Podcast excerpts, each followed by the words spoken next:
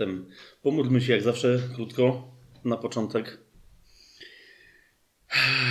Dobry Ojcze, dziękuję Ci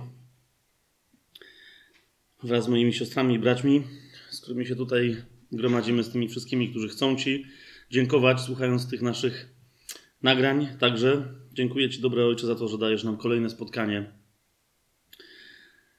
Pozwalasz nam po raz kolejny spotkać się z Tobą poprzez Twoje słowo zapisane w Biblii. Dzięki Ci, Ojcze, że posyłasz podczas tego spotkania z Tobą w Twoim słowie, posyłasz do naszych serc swojego świętego ducha, który jest w tym czasie i w tym miejscu dla nas jedynym nauczycielem. Tym, którego Pan Jezus obiecał, o którym powiedział, że kiedy On przyjdzie, On Wam wszystko przypomni z tego, co powiedziałem, On Was wszystkiego nauczy. Dzięki Ci, Ojcze, w imieniu Jezusa Chrystusa za to, że posyłasz teraz do nas swojego świętego ducha, aby On nas nauczał o Twojej miłości, o Twojej władzy, o Twoim królestwie, o naszym życiu, które od Ciebie pochodzi, o nurcie nowego życia, o naszej przyszłości, o obietnicy, która jest nam dana i o pewności nadziei, w której żyjemy. Dzięki Ci, Ojcze. Amen. Um. Zobaczcie, że tak za, zacząłem um, dziwnie, ale dobra, teraz y, nie tym, którzy są tu zgromadzeni, bo wy przy tym byliście, ale tym, którzy słuchają tego nagrania, pozwólcie, że powtórzę to, co tutaj było przed modlitwą, tuż przed modlitwą powiedziane. Jak ostatnio zaznaczałem, ile y, tematów trzeba będzie poruszyć, żeby, y, żeby ogarnąć dobrą nowinę o Królestwie, no, czyli prawie wszystko to, czego Pan Jezus nauczał, Mm, to Weronika tu zwróciła uwagę, że już jak same te tematy zapisywała, to tam się pióro jej zapaliło na papierze. I czy aby na pewno to, co jest wprowadzeniem e, do mm, studium pism Nowego Przymierza, czy my w ogóle skończymy do końca tego sezonu? to jest dobre pytanie. Chociaż jak tu ktoś zauważył celnie i humorystycznie, Pan Jezus nauczał na temat Królestwa e, trzy lata i, i, i nadal mm, musiał zapytać swoich uczniów: Jeszcze nie rozumiecie? E, zatem, mm, zatem stoimy przed e, wyzwaniem Okej. Okay. Nawet jeżeli by się okazało, że rzeczywiście cały pierwszy sezon to będzie tylko wprowadzenie do dobrej nowiny o Jezusie i wprowadzenie do dobrej nowiny o Królestwie, to jest istotne, ponieważ później przy rozważaniu poszczególnych ksiąg Nowego Przymierza, wiecie o co mi chodzi, e, będziemy, mam nadzieję, mieli no, na tyle jasności, na ile to, e, na ile to możliwe. Tak? I jeszcze jedna rzecz. Otóż e, od ostatniego naszego e, spotkania i od ostatniego odcinka, e, który już się nawet pojawił, także mamy to nagranie dosyć tak na świeżo z reakcjami różnych ludzi, także na ostatni odcinek, również online, tak? Bo ostatnio z Madzią byliśmy w Radomiu. To, to wciąż wobec tego planu, który zarysowałem, co, czego trzeba dotknąć, żeby opowiedzieć o czym jest dobra nowina o królestwie, wciąż całkiem nawet w taki czy inny sposób yy, w, różnych, yy, w różnej wiedzy biblijnej zaawansowani ludzie zadali pytanie, to jest jeszcze nie, to jeszcze nie, trzeba jeszcze bardziej od początku zacząć. Okej, okay. no więc dzisiaj zaczniemy dobrą nowinę o królestwie od takiego Ja wiem, że ludzie na różne sposoby mogą e, sobie, wiecie, ustawić porządek opowiadania o pewnych rzeczach.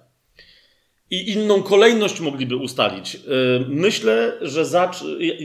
Więc jak mówię, że zaczniemy od początku, to zaczniemy od tego, co ja widzę jako początek dobrej nowiny o królestwie. Jasne? Ale naprawdę, no już to jest taki początek, że już chyba wcześniej żadnego nie ma. Z drugiej strony, wiele z tych tematów, które są związane z królestwem, ponieważ po prostu są związane z wiecznymi rządami Boga oraz z tym, kim Bóg jest we własnej osobie i we własnym jestestwie.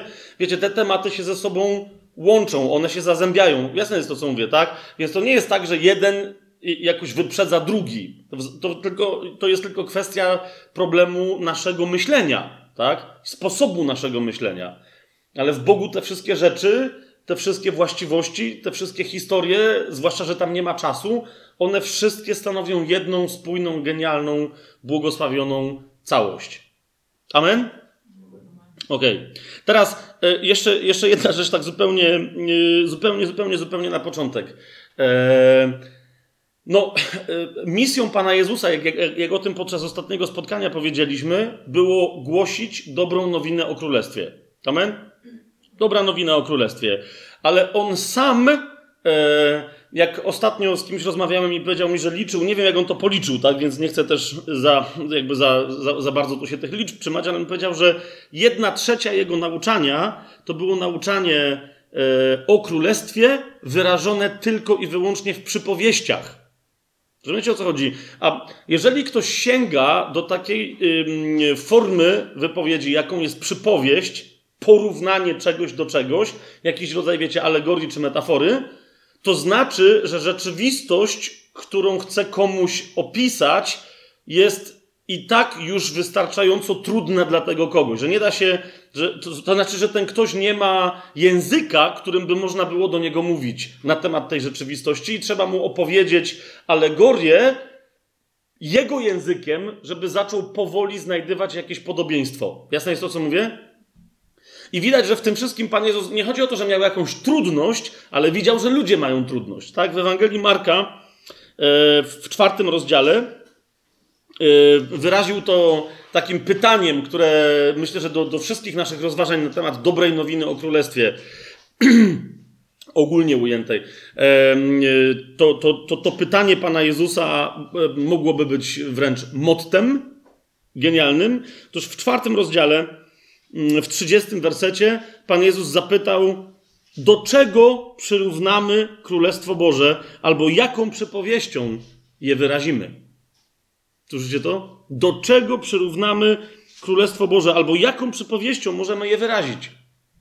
To, to jest pytanie, to jest pytanie Pana Jezusa. Teraz ja dzisiaj nie będę mówił w przypowieściach, ale, ale chciałbym, żeby to pytanie nam cały czas towarzyszyło w momencie, kiedy wyda się Wam, yy, czy nawet mnie samemu, że jakaś rzecz zaczyna tam yy, być troszkę niezrozumiała. Pamiętajcie, królestwo, ponieważ wciąż jeszcze nie objawiło się w pełni swojej chwały, wciąż pozostaje dla nas rodzajem tajemnicy. Dla nas ta tajemnica nie jest aż taką tajemnicą, jak w ogóle dla niewierzących ludzi, ale wciąż i dla niektórych wierzących wciąż jest większą tajemnicą niż dla innych wierzących, które kwestie królestwa którzy kwestie królestwa zgłębiają. Ale, ale jeżeli, jeżeli w ramach tych naszych rozważań coś wam się wyda e, niejasne, znów jakieś pytanie się tam pojawi, zaczekajcie, tak? aż przedstawimy e, podczas tych naszych spotkań ty, tego dzisiejszego i, i, i najbliższych, aż przedstawimy szeroki plan, Mam nadzieję, że wiele z tych pytań, które się po drodze zrodzą, albo już się kiedyś zrodziły, że mm, znajdą swoje y, odpowiedzi. Gdybym miał dzisiejsze nasze spotkanie jakoś zatytułować, nie wiem, czy się w końcu taki tytuł pojawi na, na YouTubie, bo to są późniejsze decyzje, nie do końca moje, wiecie, edycji i tak dalej tam, ale, e, ale gdybym miał zatytułować to spotkanie, to bym powiedział, że ponieważ e, królestwo samo w sobie jest jakiegoś rodzaju tajemnicą, zdecydowanie w momencie, kiedy przyszedł gwarant królestwa, Mesjasz, Chrystus, którym jest Jezus, i zaczął opowiadać o, o, o królestwie, to widać było, że tam wyobrażenia na temat tego, czym ma być królestwo, mimo że Żydzi uważa, uczeni w piśmie i faryzeusze żydowscy mm, uważali się za specjalistów od nadchodzącego królestwa. Oni byli zszokowani, co, co ten nauczyciel opowiada, tak? E, to ta tajemnica królestwa składa się z poszczególnych, rozmaitych wewnętrznych jeszcze tajemnic, które Pan Jezus sam sobą, swoim postępowaniem i swoim nauczaniem ujawniał. Tak? A więc powiedziałbym, że, że dzisiejsze spotkanie to jest pierwsza tajemnica. Pierwsza nie w sensie, że pierwsza i najważniejsza i tak dalej, tylko tak jak powiedziałem, pierwsza w sensie chronologii, którą ja narzuciłem swojemu myśleniu. Tak? Wy potem możecie ustalić sobie, nie wiem, e, opowieść, własną opowieść o królestwie, którą przekażecie innym. I ta tajemnica, o której ja dzisiaj mówię, to będzie tajemnica, nie wiem, szesnasta, tak? Ja mówię, y, że no pierwsza w tym sensie, tak? Będzie pierwsza tajemnica królestwa i tą tajemnicą jest, że mm, No właśnie, jaka jest pierwsza tajemnica królestwa? Ujmijmy jednym sformułowaniem całe dzisiejsze nauczanie. Otóż tą tajemnicą jest, że miłość, Bóg jest miłością, tak? A miłość zawsze jest władzą, która chce się udzielać innym. Dlaczego o tym. A dobra, to zanim to dalej się rozpędzę, to jeszcze a propos tego, że, że królestwo jest tajemnicą i, i że ma swoje tajemnice. Skoro jesteśmy w tej Ewangelii Markowej, e, otwórzcie sobie. E, jesteśmy w rozdziale czwartym, tylko mm, jak macie UBG, to trzeba będzie stronę wcześniej skoczyć. Mm, widzicie, y, przy pierwszej przypowieści, którą Pan Jezus w ogóle y, opowiedział, y, nawet uczniowie jego bliscy, apostołowie w ogóle nie wiedzieli o co poszło w tej przypowieści zadali mu pytanie, o co tam w ogóle chodziło. A, ale jedną z ciekawych rzeczy, którą Pan Jezus powiedział, e, i miejcie wy tego świadomość, rozumiecie, to nie jest tylko dar dla nas, to o czym Pan Jezus powiedział, tylko zadanie, to jest, że nam jest dane, że mamy łaskę, tak? Poznać tajemnicę Królestwa. To jest czwarty rozdział Ewangelii Marka, yy, dziesiąty werset i następne. W dziesiątym wersecie, a gdy był sam, uczniowie pytali go, którzy przy nim byli z dwunastoma, o tę przypowieść. To była przypowieść o siewcy, tak? Więc pytali go o tę przypowieść. A Jezus, zobaczcie, jedenasty werset im odpowiedział. Pierwsza rzecz, którą im powiedział, mówi: Wam dano poznać tajemnicę Królestwa Bożego. I zauważcie, tam jest tajemnicę po polsku, tak? To jest, to jest homisterion. E, I rzeczywiście tu po grecku jest liczba pojedyncza. Wam dano poznać tajemnicę Królestwa Bożego. Tym zaś, którzy są na zewnątrz, wszystko podaje się w przypowieściach. Ci, którzy nie przyjęli jeszcze zbawienia od Pana Jezusa, którzy nie są nowonarodzeni, którzy są więc na zewnątrz, bo są poza ciałem Chrystusa, są na zewnątrz ciała Chrystusa, tym nie jest dane rozumieć tajemnicy Królestwa. Ale jeżeli już przez nowonarodzenie weszliśmy w ciało Chrystusa, to mamy łaskę, jest nam dane, aby poznać, poznawać tajemnicę królestwa. Niemniej, jak wiecie, w momencie, kiedy przyjmujemy zbawienie, które jest darmowe, które jest z łaski nam dane, od tej pory zaczynają się co? Nasze działania, nasze, e, e, nasze przywileje, ale rozumiecie, jeżeli ja mam przywilej, żeby mieć do czegoś dostęp, jak nie pójdę do tego czegoś i nie dostąpię tego czegoś, to to samo do mnie nie przyjdzie. Jasne jest to, co mówię? A więc fakt, że jest nam dane poznać tajemnicę, to znaczy, że możemy się zająć jej poznawaniem. A nie, że ta wiedza zostanie nam wlana. Jasne? Okej. Okay. Więc Pan Jezus powiedział: Wam dano poznać tajemnicę Królestwa Bożego, tym zaś, którzy są na zewnątrz, wszystko podaje się w przypowieściach. Jak widzicie, Jezus sam mówi, e, że Królestwo, e, że Królestwo Boże mm, jest tajemnicą. Swoją drogą, jak już jesteśmy tutaj, jeszcze pewnie kiedyś będziemy o tym mówić, ale jakby kiedyś to wypadło, to jest rzecz, którą warto powtórzyć. Swoją drogą, zrozumienie w ogóle y, różnych tajemnic, ale zwłaszcza tajemnicy królestwa, wynika z przypowieści. A tu uwaga, e, kluczem do rozumienia wszystkich innych przypowieści, kiedyś mówię, jak będziemy przy przypowieściach, to więcej o tym pogadamy, ale już Wam na to zwracam uwagę. Kluczem do zrozumienia wszystkich innych przypowieści jest właśnie przypowieść o siewcy, który wyszedł siać i rzucał ziarno, a ono padło na rozmaite gleby. Skąd o tym wiemy? Zobaczcie, co jest dalej napisane w, tym, w tej samej Ewangelii Marka, czwarty rozdział, trzynasty werset. Powiedział do nich, nie rozumiecie tej przypowieści? Jakże więc zrozumiecie wszystkie inne przypowieści? Pamiętajcie, bez zrozumienia przypowieści o siewcy nie przychodzi zrozumienie innych przypowieści lub nie przychodzi właściwe zrozumienie wszystkich innych przypowieści. Tak? I jeszcze jedna bardzo istotna rzecz, bo niektórzy mówią, że no super, to, to, to jest jedna z tych przypowieści, która nie jest przypowieścią o królestwie. Nie, przypowieść o siewcy jest przypowieścią o królestwie, a nie przypowieścią yy, o głoszeniu zbawienia. Teraz wam to pokażę, tak? Yy, zwłaszcza, że potrzebujemy yy, tak czy siak innego fragmentu. Otwórzmy sobie Ewangelię Mateusza, 13 rozdział gdzie również Mateusz mówi o, o tym, jak Pan Jezus opowiadał e, właśnie przypowieść o siewcy. E, najpierw chcę Wam zwrócić uwagę na to, że tak jak e, królestwo jest tajemnicą i Marek to wyłuszczył,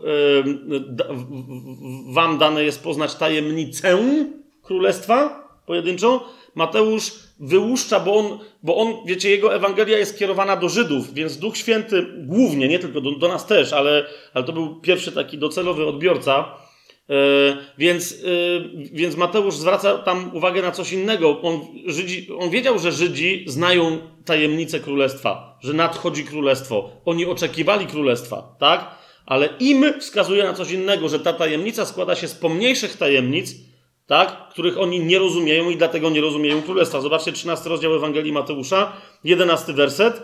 Kiedy uczniowie podeszli i zapytali go, dlaczego mówisz do nich w przypowieściach, on odpowiedział im i zauważcie, że to jest odpowiedź na inne pytanie niż u Marka, tak?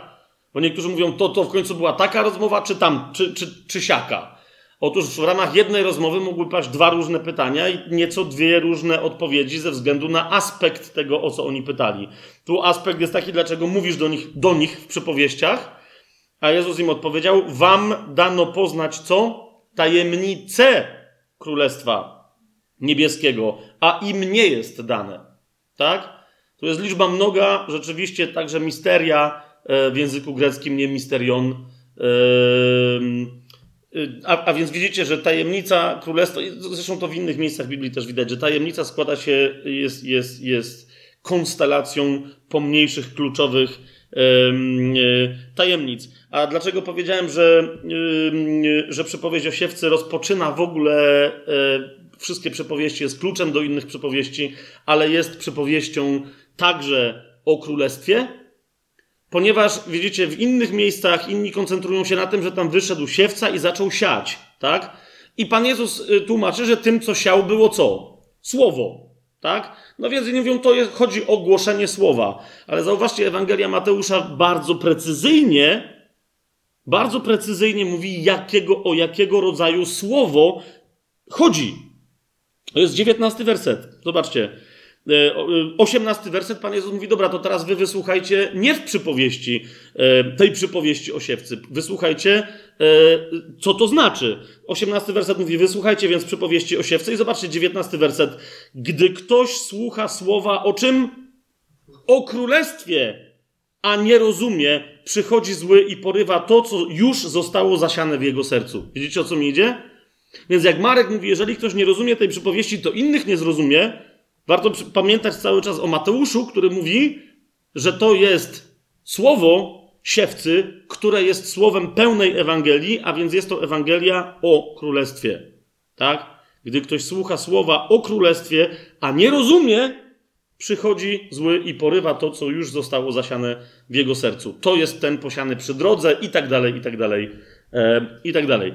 Zresztą e, widzicie, tą przypowieścią Pan Jezus rozpoczyna w ogóle w samym tym rozdziale u Mateusza e, mnóstwo krótkich przypowieści o królestwie. E, zobaczcie chociażby 24 werset.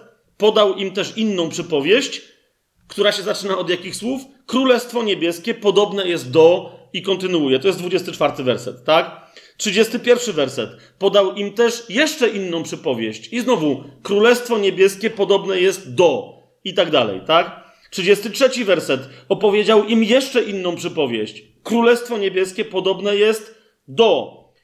44 e, werset. Ponownie Królestwo niebieskie jest podobne do i opowiada kolejne podobieństwo. 45 werset. Królestwo niebieskie podobne jest również i opowiada kolejne podobieństwo. 47 werset. Królestwo niebieskie podobne jest również i tak dalej, i tak dalej, i tak dalej. Widzicie o co mi chodzi? Niektóre przypowieści są krótkie, niektóre są bardzo długie. Jak powiedziałem ostatnio, większość z nich jednak, e, większość tego nauczania e, tyczy się królestwa e, niebieskiego u Mateusza, czy królestwa Bożego, ogólnie rzecz ujmując, u innych, u innych autorów. Czym jest tajemnica królestwa? Pani, pierwsza Pierwsza odpowiedź. Tajemnica królestwa, gdybym miał jednym zdaniem powiedzieć, na czym polega? Ostatnio mówiliśmy, pamiętacie, o dwóch nurtach, wewnętrznym i zewnętrznym, tak? To powiedziałbym, że tajemnica królestwa, zapisałem, bo to uznałem, że jest takie mądre, że aż, e, żebym potem tego sobie nie zapomniał, bo wymyślę coś innego. Napisałem sobie, że tajemnica królestwa jest w nurcie wewnętrznym tajemnicą przyszłego, szczęśliwego, miłosnego przebywania w intymności z Bogiem. Tak? Krótko mówiąc, nurt wewnętrzny tajemnicy królestwa to jest tajemnica Twojego bycia członkiem królestwa. Jest to jasne? Twojego i mojego, no nie, że tam, czyli osobistego. A więc nurt wewnętrzny, tajemnica królestwa, to jest tajemnica przyszłego, szczęśliwego, miłosnego przebywania w intymności, największej możliwej bliskości z Bogiem. Ale uwaga, jednocześnie, i to jest nurt zewnętrzny, tajemnica królestwa to jest tajemnica naszego przyszłego wywyższenia, naszego, jak mówię, naszego, to znaczy człowieczego, tak? Nie, że wszyscy będą tak samo aniołowie, ludzie, zwierzęta. Nie, nie, nie. To jest tajemnica przyszłego wywyższenia człowieka, które będzie miało charakter królowania ponad całym stworzeniem. I to jest nurt zewnętrzny. A kiedy mówię, że ponad całym stworzeniem, to znaczy, że nie będzie nikogo ponad człowiekiem, tylko Bóg, a cała reszta oprócz Boga będzie pod człowiekiem. Tak? Pod człowiekiem.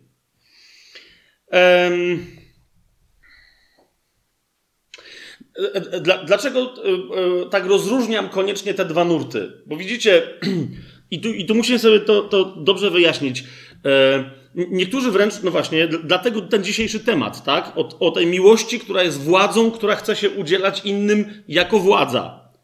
Bo ktoś mi zadał pytanie, jeżeli Bóg jest miłością, to, to, to dlaczego w ogóle jego aż tak interesuje królowanie? I teraz kapujecie, jak padło to pytanie, ja w ogóle nie bardzo wiedziałem, ale w ogóle, ale o co jest pytanie, bo, bo nie wiem. I dopiero po, po, jakimś czasie ten człowiek mi wytłumaczył, mówi, że no bo, rozumiesz, bo gdzie jest miłość, tam jest równość. Rozumiesz, gdzie jest miłość, tam jest równość. A gdzie ktoś króluje, czyli rządzi, to, to jest ktoś inny, kto jest rządzony. Tak? Więc mówię, jeżeli Bóg jest miłością, to docelowo to się jakoś musi skończyć. A być może w ogóle nawet nigdy się nie zaczęło. Mówi, według mnie rządy, królowie, państwa, to wszystko, mówi, to jest właśnie wynik upadku. Tak? I mówi, Bóg nie może taki być. Więc jeszcze raz, yy, jeszcze raz powtórzę. wszędzie, wszędzie, wszędzie miłość Boża jest przedstawiana jako władza, tyle tylko, że widzicie to, co my rozumiemy jako królowanie, jako rządzenie, jako władanie wobec tego, co widzimy w świecie, jest dokładnie przeciwieństwem tego, co jest władzą, rządzeniem i królowaniem boskim. Jasne? A więc nie chodzi o to, że Bóg rządzi tak, jak my widzimy rządzących i jest królem, tak jak my postrzegamy monarchów, jakichś tam cesarzy, yy, carów i innych imperatorów. Wiecie o co mi idzie? Tak? Bóg jest dokładnie, powiedziałbym, przeciwieństwem tego, co szatan powymyślał tu na ziemi, właśnie po to, żeby zbrukać ideę władzy, która jest miłością. I miłości, która zawsze jest władzą, Tyle tylko, że służącą i rządzącą od dołu, a nie z góry. Tak? Ale najpierw, żeby wam pokazać to, o czym mówię. Dwa nurty, królestwo. Tak? To jest przyszłe. Już teraz ma swój początek, ale ostatecznie przyszłe. Szczęśliwe i miłosne, pełne miłości przebywanie w bliskości z Bogiem, połączone z królowaniem, a więc z rządzeniem razem z Bogiem nad całym stworzeniem. Otwórzcie sobie Ewangelię no Mateusza, skoro jesteśmy w Mateuszu a potem przejdziemy dalej.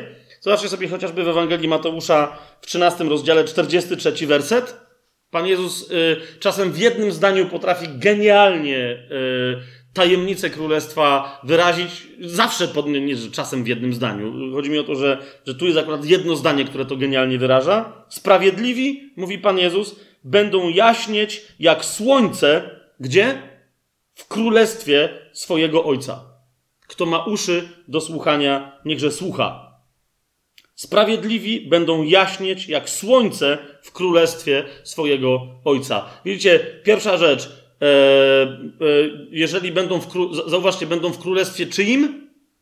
Swojego Ojca, tak? Swojego Ojca. Sprawiedliwi będą mieli Boga za Ojca, będą Jego dziećmi. To jest ten nurt wewnętrzny, o którym mówię. Doświadczanie miłosnej, przyjaznej, szczęśliwej intymności z Bogiem. Ale jednocześnie będą jaśnieć jak słońce, tak? A więc będą górować nad wszystkim, ok? Nad wszystkim, cokolwiek będzie należało do królestwa. Bardzo konkretnie na temat tego jaśnienia w królestwie Ojca mówi yy, nam objawienie. Wiem, że znacie te mm, fragmenty, ale potrzebujemy je dla tych, którzy je nie, znają przypomnieć, ale też zobaczyć je we właściwym kontekście. Zobaczcie rozdział 20 Księgi Objawienia Janowego, szósty werset. Błogosławiony i święty jest ten, kto ma udział w pierwszym zmartwychwstaniu. Teraz nie będziemy tłumaczyć, co to jest, ale dlaczego? Ponieważ nad tymi, no właśnie, y, tu o to chodzi w Biblii, tak, że ci, którzy są w pierwszym zmartwychwstaniu, tych nie dotknie druga śmierć. A więc błogosławiony i święty ten, kto ma udział w pierwszym zmartwychwstaniu, nad nimi druga śmierć nie ma władzy, ale będą kapłanami Boga i Chrystusa i będą z nim królować tysiąc lat. Widzicie to? No niektórzy mówią, dobra, fajnie, przyjmujemy koncepcję o królestwie i o władaniu, no ale właśnie, za każdym razem yy, mówisz, Fabian, jakby to miało trwać nie wiadomo ile, a no wyraźnie ten fragment mówi o tysiącu lat. No tak jakby to był tylko ten jeden fragment, tak? Zacznie się to królowanie od tego królowania w tysiącletnim królestwie i będzie trwać najpierw tysiąc lat, ale otwórzcie sobie 22 rozdział tego samego objawienia, kiedy, kiedy po tysiącletnim, pod koniec tysiącletniego królestwa szatan i inni przeciwnicy wreszcie włącznie ze śmiercią e, i tak dalej zostaną wrzuceni do jeziora mm, ognia. I wówczas, to jest 22 rozdział od trzeciego wersetu, e, jak mówi pismo, nie będzie już żadnego przekleństwa, ale w Nowym Jeruzalem, które jest ostatecznym przeznaczeniem, yy, ostatecznym naszym przeznaczeniem, yy, ale będzie w nim, to znaczy właśnie w tym Nowym Jeruzalem, to z kontekstu wcześniejszego wynika, będzie w nim tron Boga i baranka, a jego słudzy będą mu służyć. I zobaczcie, i będą oglądać jego oblicze, a jego imię będzie na ich czołach. Widzicie to? Zawsze lubię sobie wyobrażać, że, że to imię na czołach sług to jest wynik pocałunku, jaki Bóg złoży każdemu na czole. Tak? Rozumiesz? Bóg cię osobiście w pewnym momencie kiedyś przywita i złoży pocałunek na twoim czole. I powie: Jesteś moim synem, jesteś moją córką. A ten pocałunek spowoduje, że powstanie e, konkretny znak jego imienia, który zostanie zawsze na twoim czole. I będą oglądać jego oblicze.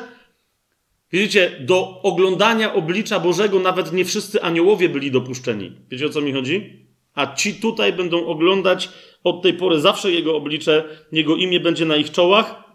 Zobaczcie, piąty werset. I nocy tam nie będzie, i nie będzie im potrzeba lampy, ani światła słońca, bo Pan Bóg będzie im świecił. Zobaczcie, Bóg będzie specjalnie dla nas, nam będzie świecił. Tak? Nurt wewnętrzny. Całkowicie będzie się nam udzielał w pełnej jasności, ale jest też nurt zewnętrzny, patrzcie, dalej po tysiącletnim królestwie i będą królować jak długo?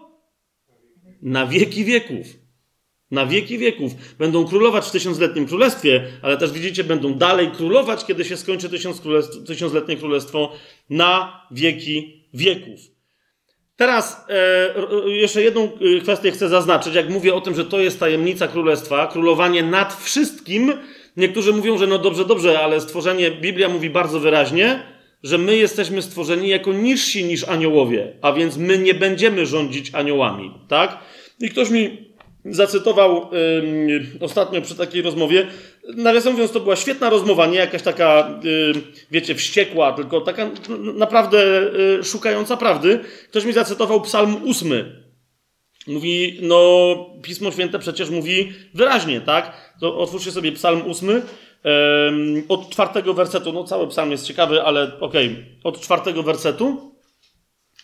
E, mówi przecież Słowo Boże wyraźnie stanowi. I teraz cytuję, od czwartego do, mm, do ósmego wersetu, niech będzie, tak? Mówi, czymże jest człowiek, że o nim pamiętasz, albo syn człowieczy, że się troszczysz o niego. Uczyniłeś go bowiem niewiele mniejszym od aniołów. Słyszycie to? Uczyniłeś go bowiem niewiele mniejszym od aniołów. Chwałą i czcią go ukoronowałeś. Nawiasem mówiąc, zobaczcie, człowiek już w momencie swojego stworzenia, tak, to jest bardzo istotne, psalmus o tym mówi, został ustanowiony królem. Widzicie to? Ale królem, który był mniejszy, niewiele, ale jednak mniejszy od aniołów. Otrzymał władzę nad całym stworzeniem ziemskim, tak? ale był niewiele mniejszy od aniołów. To yy, dalej jest powiedziane, szósty, siódmy, ósmy werset, dałeś mu panowanie nad dziełami twoich rąk, wszystko poddałeś pod jego stopy, owce i wszelkie bydło, a także zwierzęta polne, ptactwo niebieskie i ryby morskie i wszystko, co przemierza szlaki mórz. Ale pytanie brzmiało, jak my mamy ostatecznie nad wszystkim królować, skoro jesteśmy uczynieni jednak jako mniejsi od aniołów. Zgadza się? Otwórzmy sobie list do Hebrajczyków w odpowiedzi na to, yy, ponieważ tak było, ale nie tak miało być docelowo i nie tak będzie, tak, żebyśmy byli mniejsi od aniołów. Otóż yy, chodzi mi o drugi rozdział do Hebrajczyków. Yy, zwróćcie uwagę na piąty werset, od którego się zaczyna interesujące nas rozważanie.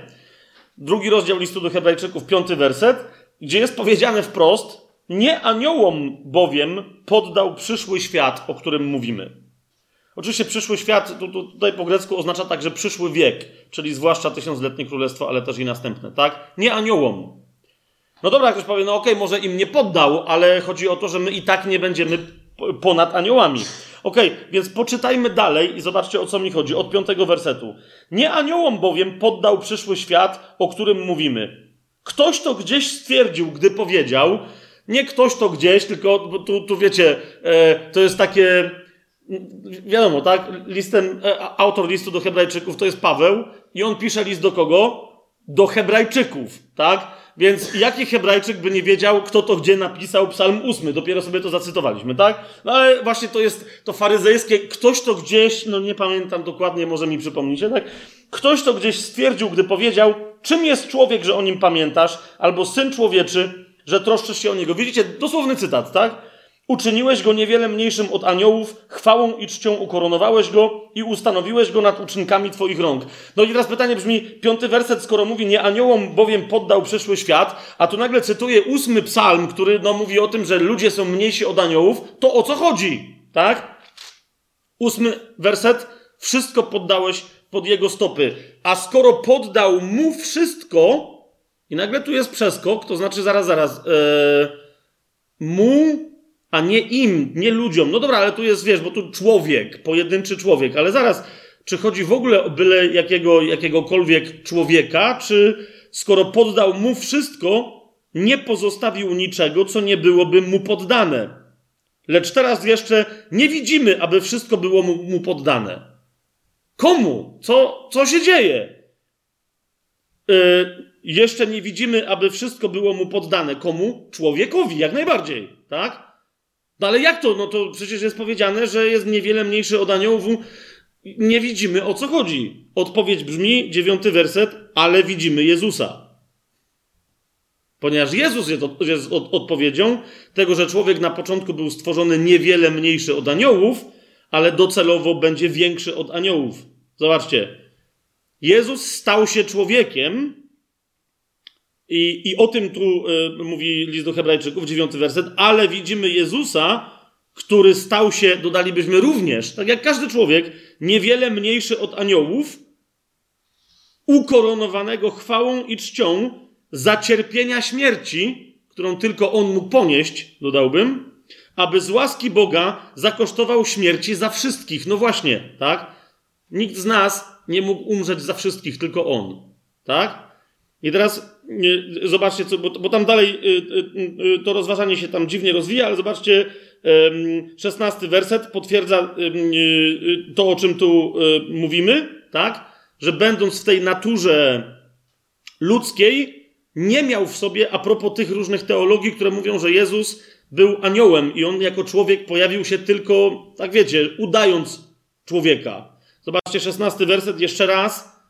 List do Hebrajczyków podkreśla, zaprawdę nie przyjął on natury aniołów, ale potomstwo Abrahama. Widzicie to? Szesnasty werset. Dlatego musiał we wszystkim upodobnić się do swoich braci, aby stał się miłosiernym i wiernym, najwyższym kapłanem wobec Boga dla przebłagania za grzechy ludu. Tak? Stał się niższy, niewiele, ale niższy od aniołów, podobnie jak wszyscy inni ludzie. Niemniej, co się następnie stało w momencie, kiedy poniósł tę śmierć, w którą włączył nas wszystkich? Otwórzcie sobie list do Filipian.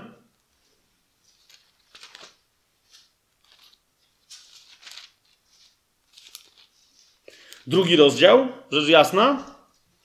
Otóż po tym, jak stał się człowiekiem i jako człowiek poniósł śmierć za wszystkich ludzi, włączając w swoją śmierć wszystkich ludzi, a ktokolwiek przyjmie zgodzi się z tym włączeniem, doświadczy wszystkich owoców tego włączenia, tak? List do Filipian, drugi rozdział, zobaczcie dziewiąty werset. To dlatego, że był właśnie do tej śmierci i to śmierci krzyżowej posłuszny, tak? Zobaczcie, ósmy werset. Z postawy uznany za człowieka, uniżył samego siebie i był posłuszny aż do śmierci i to śmierci krzyżowej. Dlatego też, tu jest ten dziewiąty werset i następny, o który nam chodzi, dlatego też Bóg wielce go wywyższył i darował mu imię, które jest ponad wszelkie imię. Czy to imię powoduje, że Jezus jako człowiek stał się wyższy niż aniołowie? Oczywiście, że tak. O tym mówi dziesiąty werset. Aby na imię Jezusa zginało się wszelkie kolano. Gdzie? Na niebie, na ziemi i pod ziemią. Nie tylko ludzkie, nie tylko upadłych aniołów, ale także aniołów, które są wierne Panu. Na niebie, na ziemi i pod ziemią. I aby wszelki język wyznawał, że Jezus Chrystus jest Panem ku chwale Boga Ojca. Widzicie to? Teraz niektórzy powiadają, no dobra, no i my, ale czy my, my w Chrystusie, kiedy będziemy królować, będziemy królować z taką samą mocą jak Chrystus. I teraz jest wiele innych tych, czyli zostaniemy wywyższeni ponad aniołów, tak? Jest wiele fragmentów, które mówią o tym um, wprost, ale chciałbym wam jeden zasugerować, który no już tak wprost mówi, że się już bardziej wprost chyba nie da, tylko tamte inne tłumaczą, dlaczego tak będzie. Ale tutaj yy, Paweł nie tłumaczy, dlaczego tak będzie, tylko jaki będzie skutek naszego wywyższenia. Otwórzcie sobie pierwszy do Koryntian yy, list, szósty rozdział.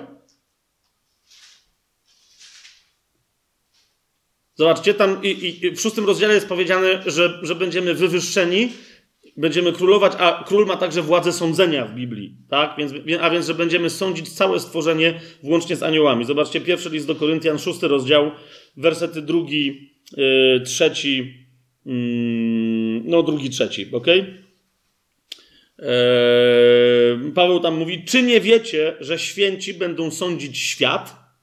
To jest a propos tego, że w Koryncie, mając jakieś tam sprawy, e, wiecie, jakieś tam sprawy problematyczne, zamiast rozsądzić kwestie u siebie w zborze, to, to zaczęli łazić do sądów świeckich, tak? I Paweł im mówi, czy nie wiecie, że w tym kontekście, czy nie wiecie, że święci będą sądzić świat? A jeżeli świat będzie sądzony przez was, to czy nie jesteście godni osądzać sprawy pomniejsze, w sensie teraz, tak? I teraz ktoś mówi, no świat, ale to jest całe stworzenie. Ale Paweł dodaje, czy nie wiecie, że będziemy sądzić aniołów? Tu bym dodał nawet, czy nie wiecie, że wraz z całym światem będziemy także sądzić aniołów? Czy nie wiecie, że będziemy sądzić aniołów? A cóż dopiero sprawy doczesne? Paweł chce podkreślić, że w świętym dzisiaj, tak, tym, który ma sprawiedliwość w, mm, zapłaconą przez krew Chrystusa, w świętym, w każdym świętym, nawet jeżeli po ludzku inni mówią, że a, nie jest to najmądrzejszy człowiek w kościele, Paweł mówi, że w świętym działa tak potężnie moc Boża, sprawiedliwość Boża i możliwość osądu, że będzie każdy święty sądził w przyszłości świat i aniołów, a dzisiaj w związku z tym Paweł mówi: sprawdźcie to, zobaczcie czwarty werset. Jeżeli więc macie do osądzenia sprawy doczesne, ustanawiajcie więc sędziami najmniej poważanych w kościele. Takie jest wywyższenie.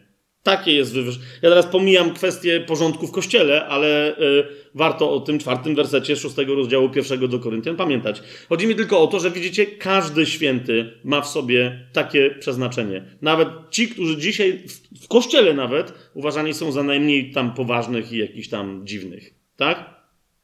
Czy nam to wystarczy za, czy nam to wystarczy za dowód? Yy, co tam się właśnie stało? A, okej. Okay. Myślałem, że nie znalazłeś tego w Biblii. Czy nam to wystarczy za dowód, za dowód biblijny tego, że ostateczne nasze przeznaczenie się zmieni od tego początkowego, czyli że będziemy ponad całym stworzeniem jesteśmy przeznaczeni do tego królowania? Tak? Czy. Okej, okay, dobra. Bo jak nie, to byśmy jeszcze szukali innych fragmentów. I teraz, jak już to, to mamy, czyli widzicie, tak?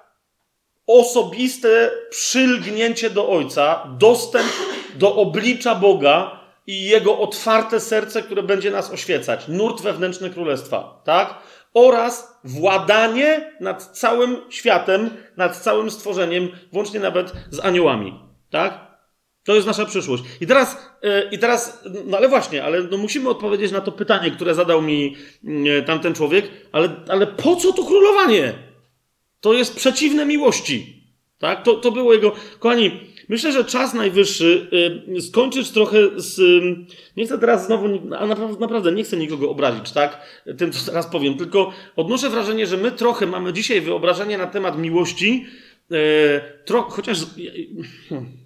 Ja znam wielu hipisów, których bardzo lubię, byłych, tak?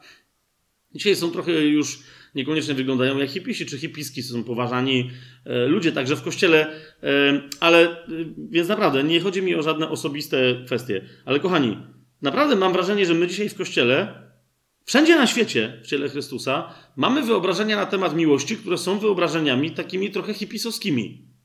Wiecie co mi idzie? Że miłość to jest.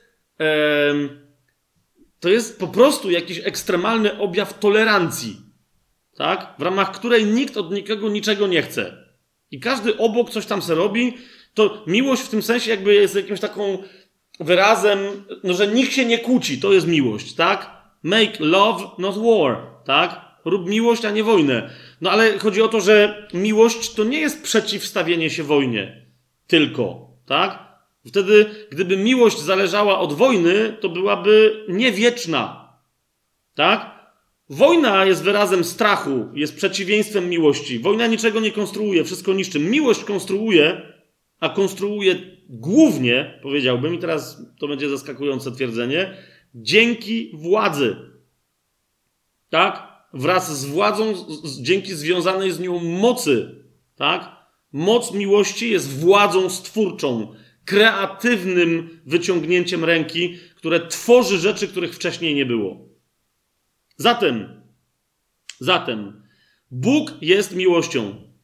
Mam amen na to? Teraz powiem następną rzecz, która będzie zaskakująca. Miłość jest miłością tylko wtedy, kiedy jest królem. I nie chodzi mi, jeszcze raz powtarzam, nie chodzi mi o monarchię, ale po prostu Bóg zawsze był królem, jest królem i będzie królem.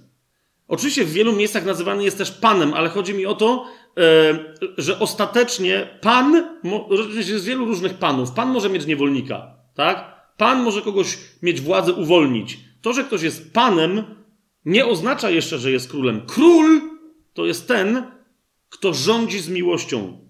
Król równa się ojciec. Ojciec, który nie ma władzy królewskiej, nie jest ojcem. Wiecie, dlaczego mamy między innymi kryzys ojcostwa dzisiaj w kościele, e, w świecie zachodnim i tak dalej? Ponieważ mężczyznom od, odebrało się potrzebę rządzenia w rodzinach. Lub też nakazało się im rządzić pod postacią autorytarnej władzy wymuszającej na innych. Okay?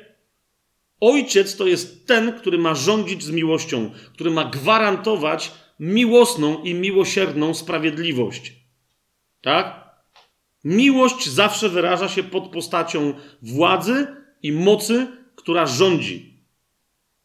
Teraz, żeby, żeby ja powtarzam cały czas to, że, że miłość rządzi, miłość włada, miłość króluje, miłość jest związana wyrazem monarchicznym. Po to, ja, zaraz to sobie rozjaśnimy, powtarzam to tylko w kółko, żeby trochę już nawet teraz w tych naszych umysłach odczarować słowo król, rządy, władza, bo słyszeć, jak teraz to powiedziałem, tak, że ojciec ma rządzić, sprawiedliwość, tak, ma sprawować władzę, ma rozdzielać, ma sądzić, my będziemy sądzić, tak, i już słyszę, jak się w niektórych mogą odzywać e, takie, ale mizoginistyczna postawa, ale antykobiece. Co, e, spokojnie.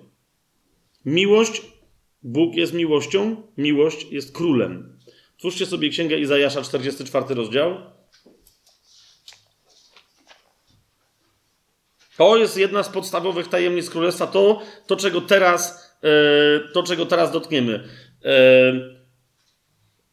miłość jest królem. Po prostu. Izajasz, 44 rozdział, szósty werset.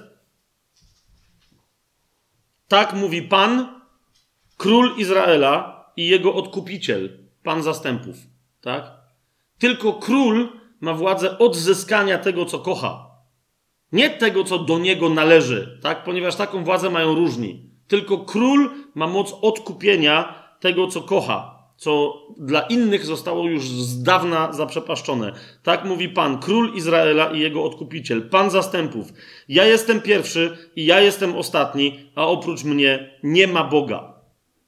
Niektórzy powiadają, ok, ale tutaj Bóg się przedstawia jako król Izraela, no to niech Żydzi mają swojego króla, ale my dlaczego musimy się tym przejmować? No, ja wiem, że znacie mnóstwo innych fragmentów, tylko y, wykrzyczmy je sobie nawzajem głośno w naszych sercach. Jeremiasz, dziesiąty rozdział, dziesiąty werset. Pan mówi, że jest Bogiem i nie ma żadnego innego. Tam, w tamtym wersecie nazywa siebie królem Izraela. Jeremiasz, dziesiąty rozdział, dziesiąty werset, ale Pan też mówi, ale Pan jest prawdziwym Bogiem, jest Bogiem żywym i królem wiecznym. Widzicie to? Pan jest prawdziwym Bogiem, jest Bogiem żywym, lub też może przetłumaczyłbym tutaj jako żyjącym wciąż, nieustannie, od zawsze i na zawsze, i jest królem wiecznym. Zawsze był, jest i zawsze będzie królem. Od jego gniewu drży ziemia, a narody nie mogą znieść jego e, oburzenia. Teraz, yy, yy, yy, dlaczego o tym mówimy, że Bóg jest królem? Ponieważ Bóg, który jest miłością, Bóg, który jest królem, będąc miłością, kiedy chce wyrazić swoją miłość, uważajcie na to, co teraz powiem, kiedy chce wyrazić swoją miłość, obdarowuje władzą. Bóg, kiedy wyraża swoją miłość, kiedy mówi, że cię kocha, nie pozostaje tylko, myślę, że kobiety y, to dobrze zrozumieją, nie pozostaje tylko na pustosłowiu mówiąc, ależ cię kocham, kochanie, tylko daje ci konkretną rzecz. Daje ci najwspanialszą rzecz, jaką może ci dać. Dzieli się z tobą czymś, co jest częścią jego istoty. Dzieli się z tobą swoim królowaniem. Mówiąc, kocham cię, rozumiesz? Bo, bo, bo rozumiesz, Bóg jest władcą, jest królem wszystkiego. Amen? To teraz rozumiesz, jeżeli daje tobie władzę nad czymś, to rozumiesz, co to oznacza? Że on z siebie, jako władcę z tego czegoś, wycofuje, ciebie ustanawiając władcą w swoim imieniu. Jasne jest to, co mówię?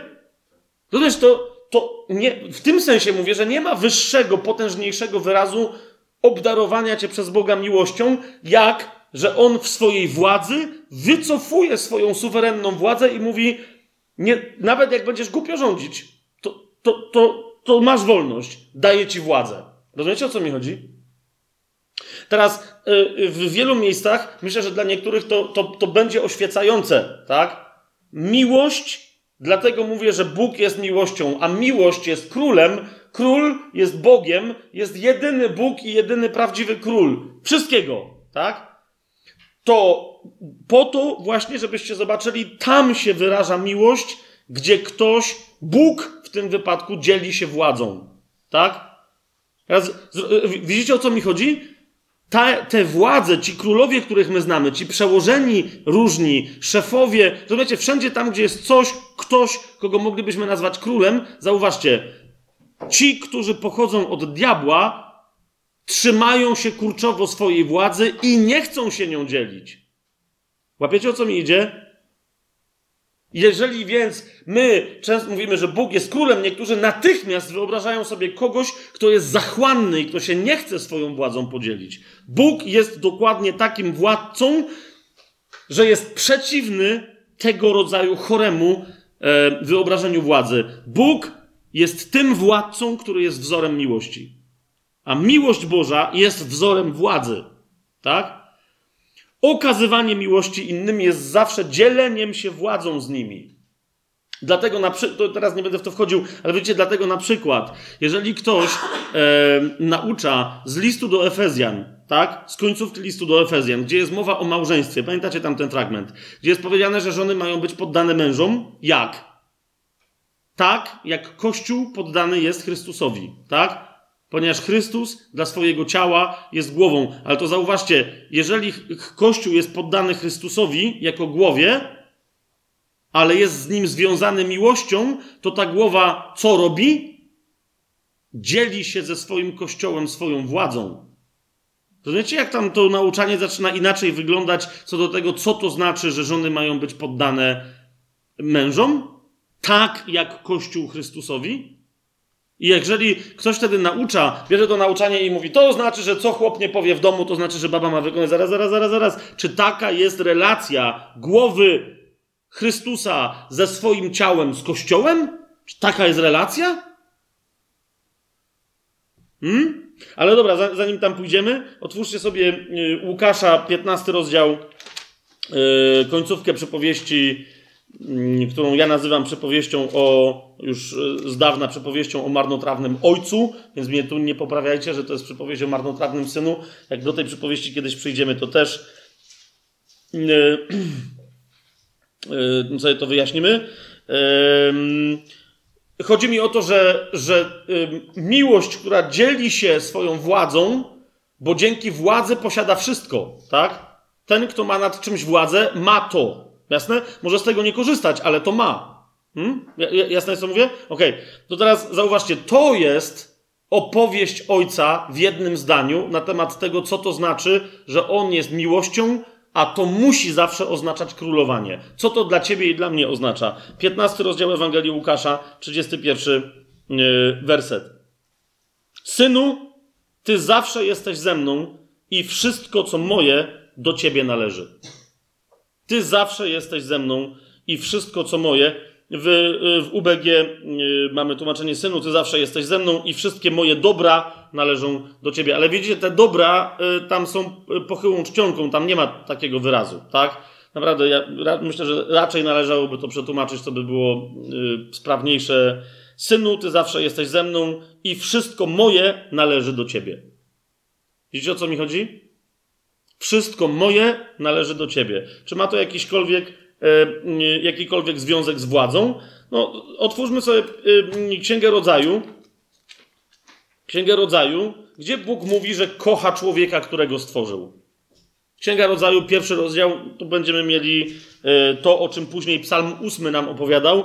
Księga Rodzaju, pierwszy rozdział, 26 werset, 27 i 28 Zobaczcie, zaraz po tym, co się dzieje, jak Bóg stwierdził, żeby stworzyć człowieka. Pierwszy rozdział pierwszej Mojżeszowej, 26 werset następny. Potem Bóg powiedział: Uczyńmy człowieka na nasz obraz, według naszego podobieństwa.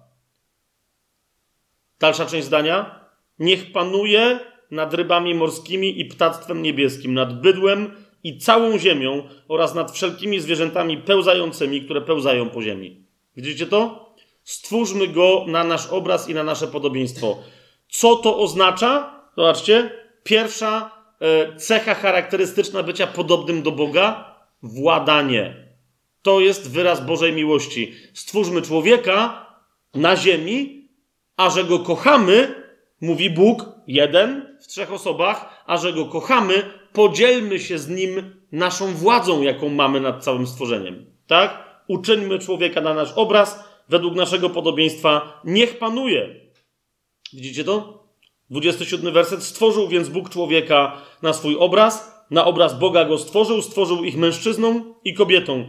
I Bóg błogosławił im. Potem Bóg powiedział do nich: bądźcie płodni i rozmnażajcie się, napełniajcie ziemię i czyńcie ją sobie jaką? Poddaną. Bądźcie płodni, rozmnażajcie się. To jest płodność i rozmnażanie się kreatywność i tworzenie dzieł to jest jeden aspekt miłości. Czyńcie sobie ziemię poddaną, to znaczy porządkujcie ją. Znaczy, nie dewastujcie, nie wykorzystujcie, nie eksploatujcie, ale czyńcie sobie ją tak poddaną, aby i ona była razem z wami płodna i aby ona razem z wami mnożyła dobro. Jasne jest to, co mówię? Czyli widzicie, Bóg w momencie, kiedy stworzył człowieka, powiedział mu: Kocham cię. W jaki sposób? Powiedział mu: Panuj, Kocham, tak bardzo Cię kocham. Jest dwójka ludzi na ziemi, tak? Znaczy, w tym, tu, tu jeszcze Adam, tak? Jest jeden, jeden gość na ziemi. Tak? No ale załóż, niektórzy mówią, że to była Ewa. No, no niech będzie, tak? Najwyżej dwie osoby na ziemi. I Bóg im mówi, tak was kocham, że daję wam całą ziemię.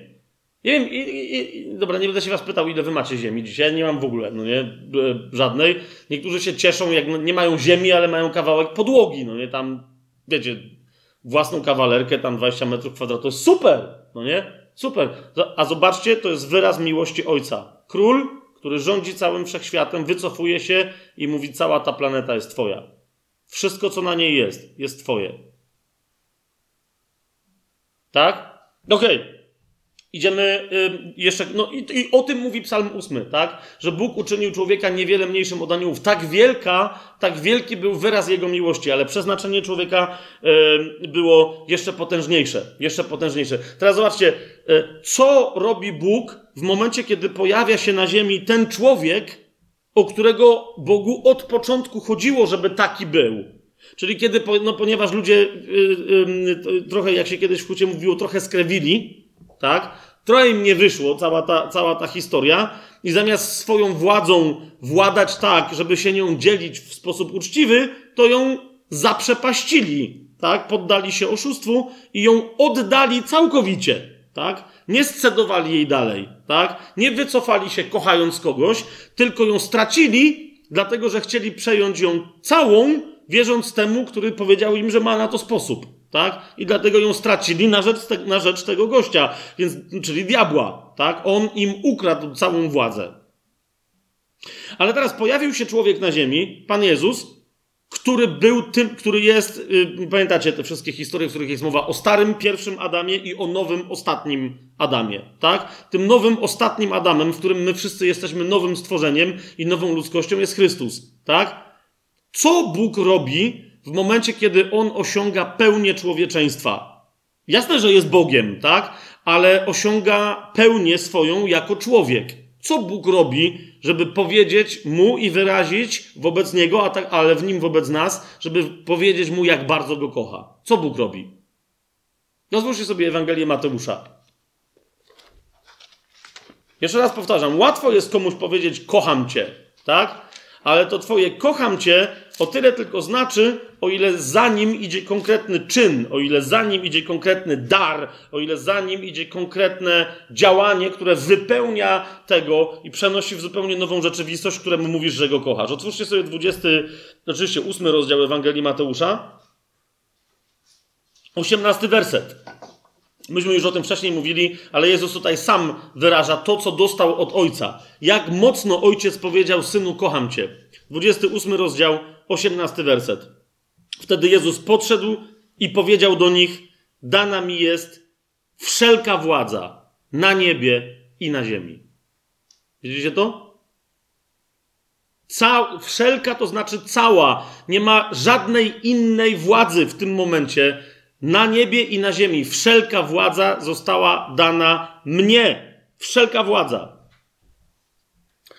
Otwórzmy sobie y, Księgę Objawienia, 19 rozdział. Niezależnie od tego, jak z tej władzy różni ludzie mogliby chcieć korzystać, tak? To wciąż korzystają tylko z tej władzy, która została dana Jezusowi Chrystusowi. Tak? Dlatego tylko on ma prawo nosić, chociaż wcześniej w historii wszechdziejów różni ludzie sobie te, te, to, te tytuły, które teraz wam przedstawię, przypisywali, ale to było kompletnie bezprawne i widać, że z ducha antychrysta sobie przypisywali te tytuły. Jeden, jedyny Jezus Chrystus, który otrzymał w akcie miłosnym od swojego Ojca wszelką władzę na niebie i na ziemi, jeden, jedyny On może być nazwany, rozdział 19 Księgi Objawienia, 16 werset, może być nazwany Królem Królów i Panem Panów.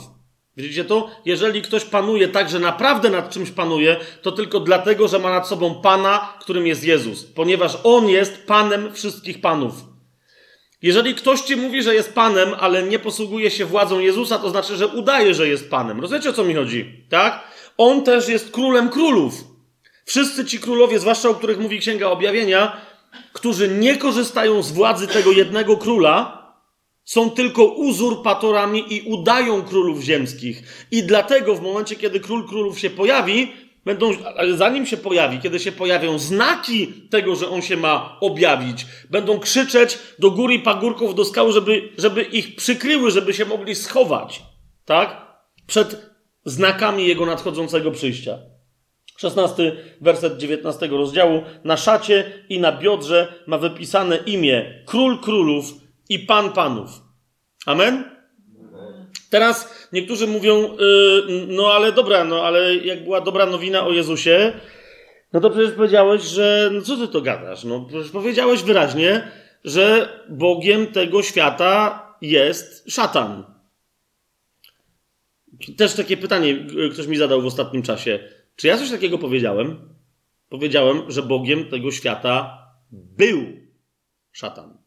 Tak? I był i, i władcą e, powietrza. Jest e, wciąż tylko w takim sensie, w jakim ktoś właśnie udaje, uzurpuje sobie jakąś władzę i pretenduje do czegoś.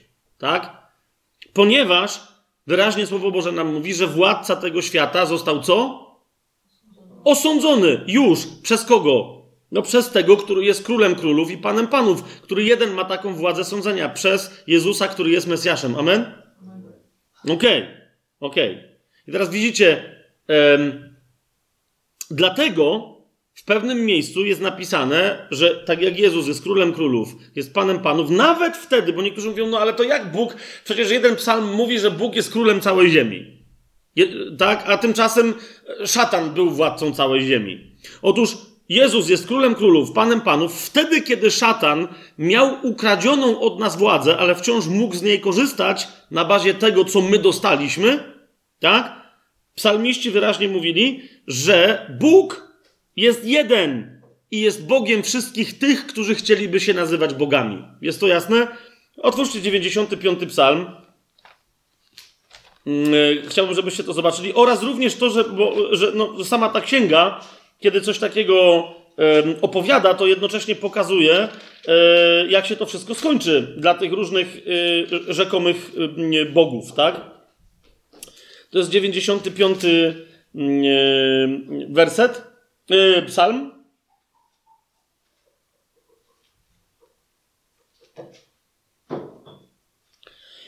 Widzicie, to psalm 95, trzeci werset i potem przeczytamy następny. Zobaczcie, co tam jest napisane. Pan bowiem jest wielkim Bogiem i kim?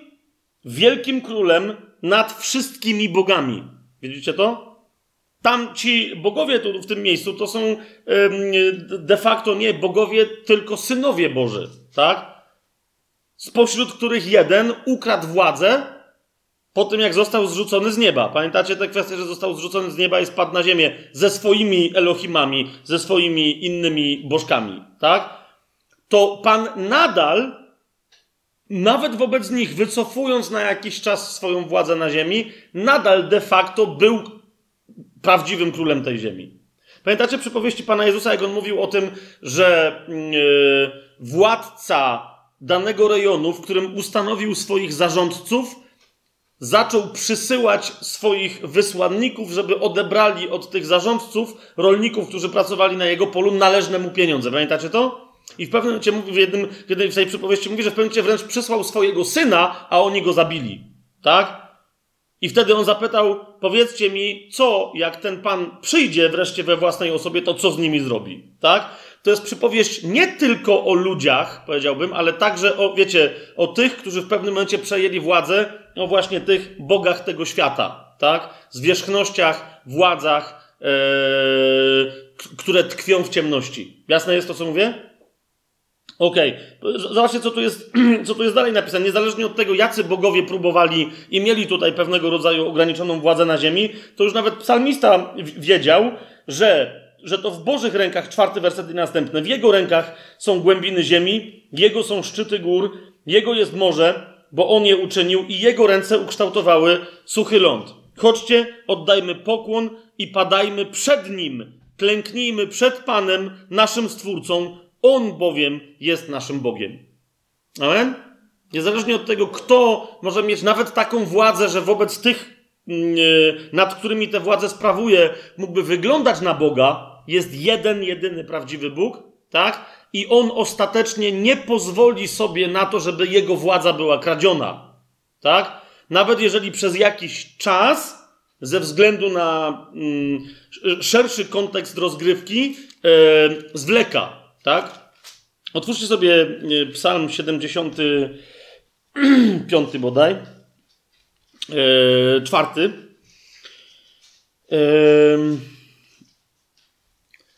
Trochę o tej sytuacji, oczywiście wiecie, tutaj Asaf cytuje Dawida i chodzi mu o konkretną ziemską sytuację, ale jednocześnie ten psalm jest proroczy i mówi o sytuacji na ziemi, tak? Zobaczcie psalm 74, 10 werset.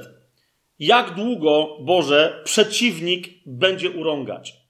Przeciwnik, no wiecie o co mi chodzi, tak? Kto pierwszy ci przychodzi na myśl? Jak długo, Boże, przeciwnik będzie urągać? Czy wróg będzie wiecznie bluźnił przeciwko Twojemu imieniu? Widzicie o co mi idzie? Że nawet jeżeli tam byli jacyś ludzie, poganie, którzy bluźnili przeciwko imieniu Boga, to ostatecznie, zauważcie, to jest pytanie prorocze do Boga. Znajdujemy się w sytuacji, w której przeciwnik na tej ziemi Twój bluźni Twojemu imieniu. Zobaczcie dalej. Dlaczego cofasz swoją rękę i swojej prawicy z zanadrza nie wyjmujesz? Przecież Ty, Boże, jesteś moim królem od dawna. Ty dokonujesz zbawienia na ziemi. Ty swoją mocą rozdzieliłeś morze, zmiażdżyłeś głowy smoków w wodach. Ty skruszyłeś głowy lewiatana i dałeś go na pokarm mieszkańcom pustyni. Więc tu jest, widzicie, tu jest wołanie, tak?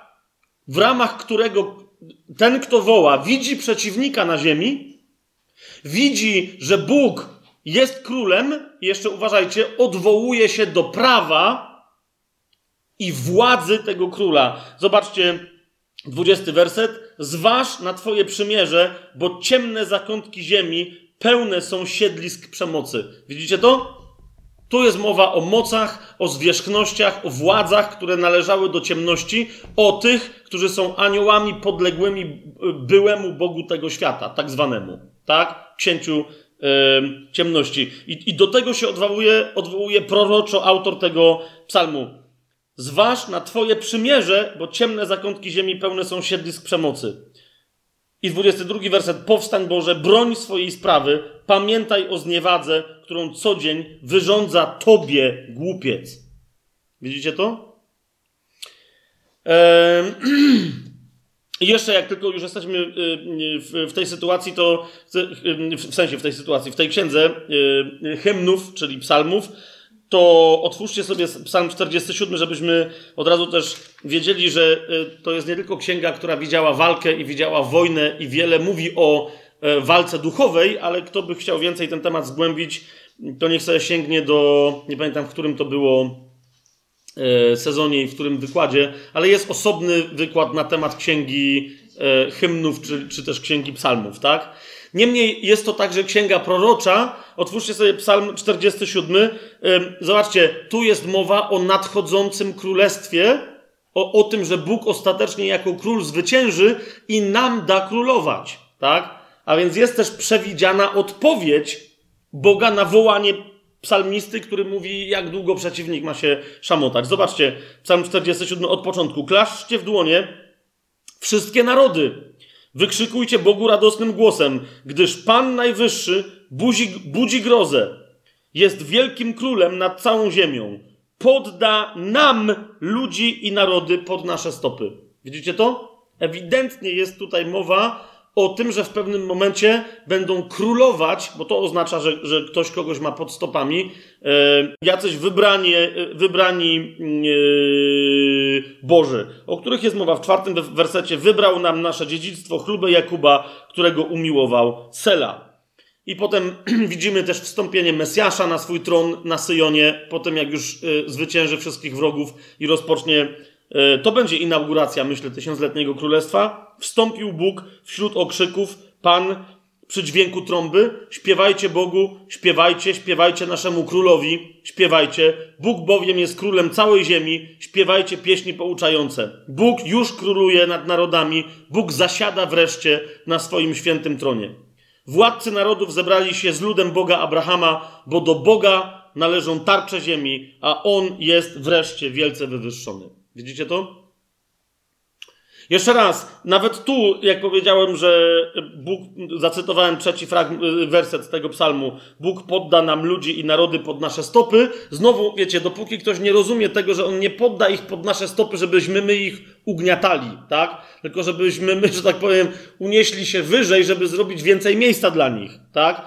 Zawsze trzeba tak to my nie mamy stać na tych ludziach, tak? My mamy się nad nimi unosić, żeby z lepszej perspektywy pomagać im wszystkim w życiu. Na tym polega królowanie. Ono jest zawsze miłośnie służebne, tak? Ono jest zawsze miłośnie służebne wobec, yy, wobec tych, nad którymi jest miłosną władzą. I jeszcze ostatnią rzecz chcę yy, powiedzieć, mianowicie, kochani, ten, kto jest ukochany przez Boga, w akcie wyznania miłości otrzymuje władzę, ale jeżeli kocha naprawdę Boga z wzajemnością, to te władze, i na tym polega całe misterium. Dlatego rozumiecie, to nie może być władza, która komukolwiek uczyni źle albo kogoś uciśnie.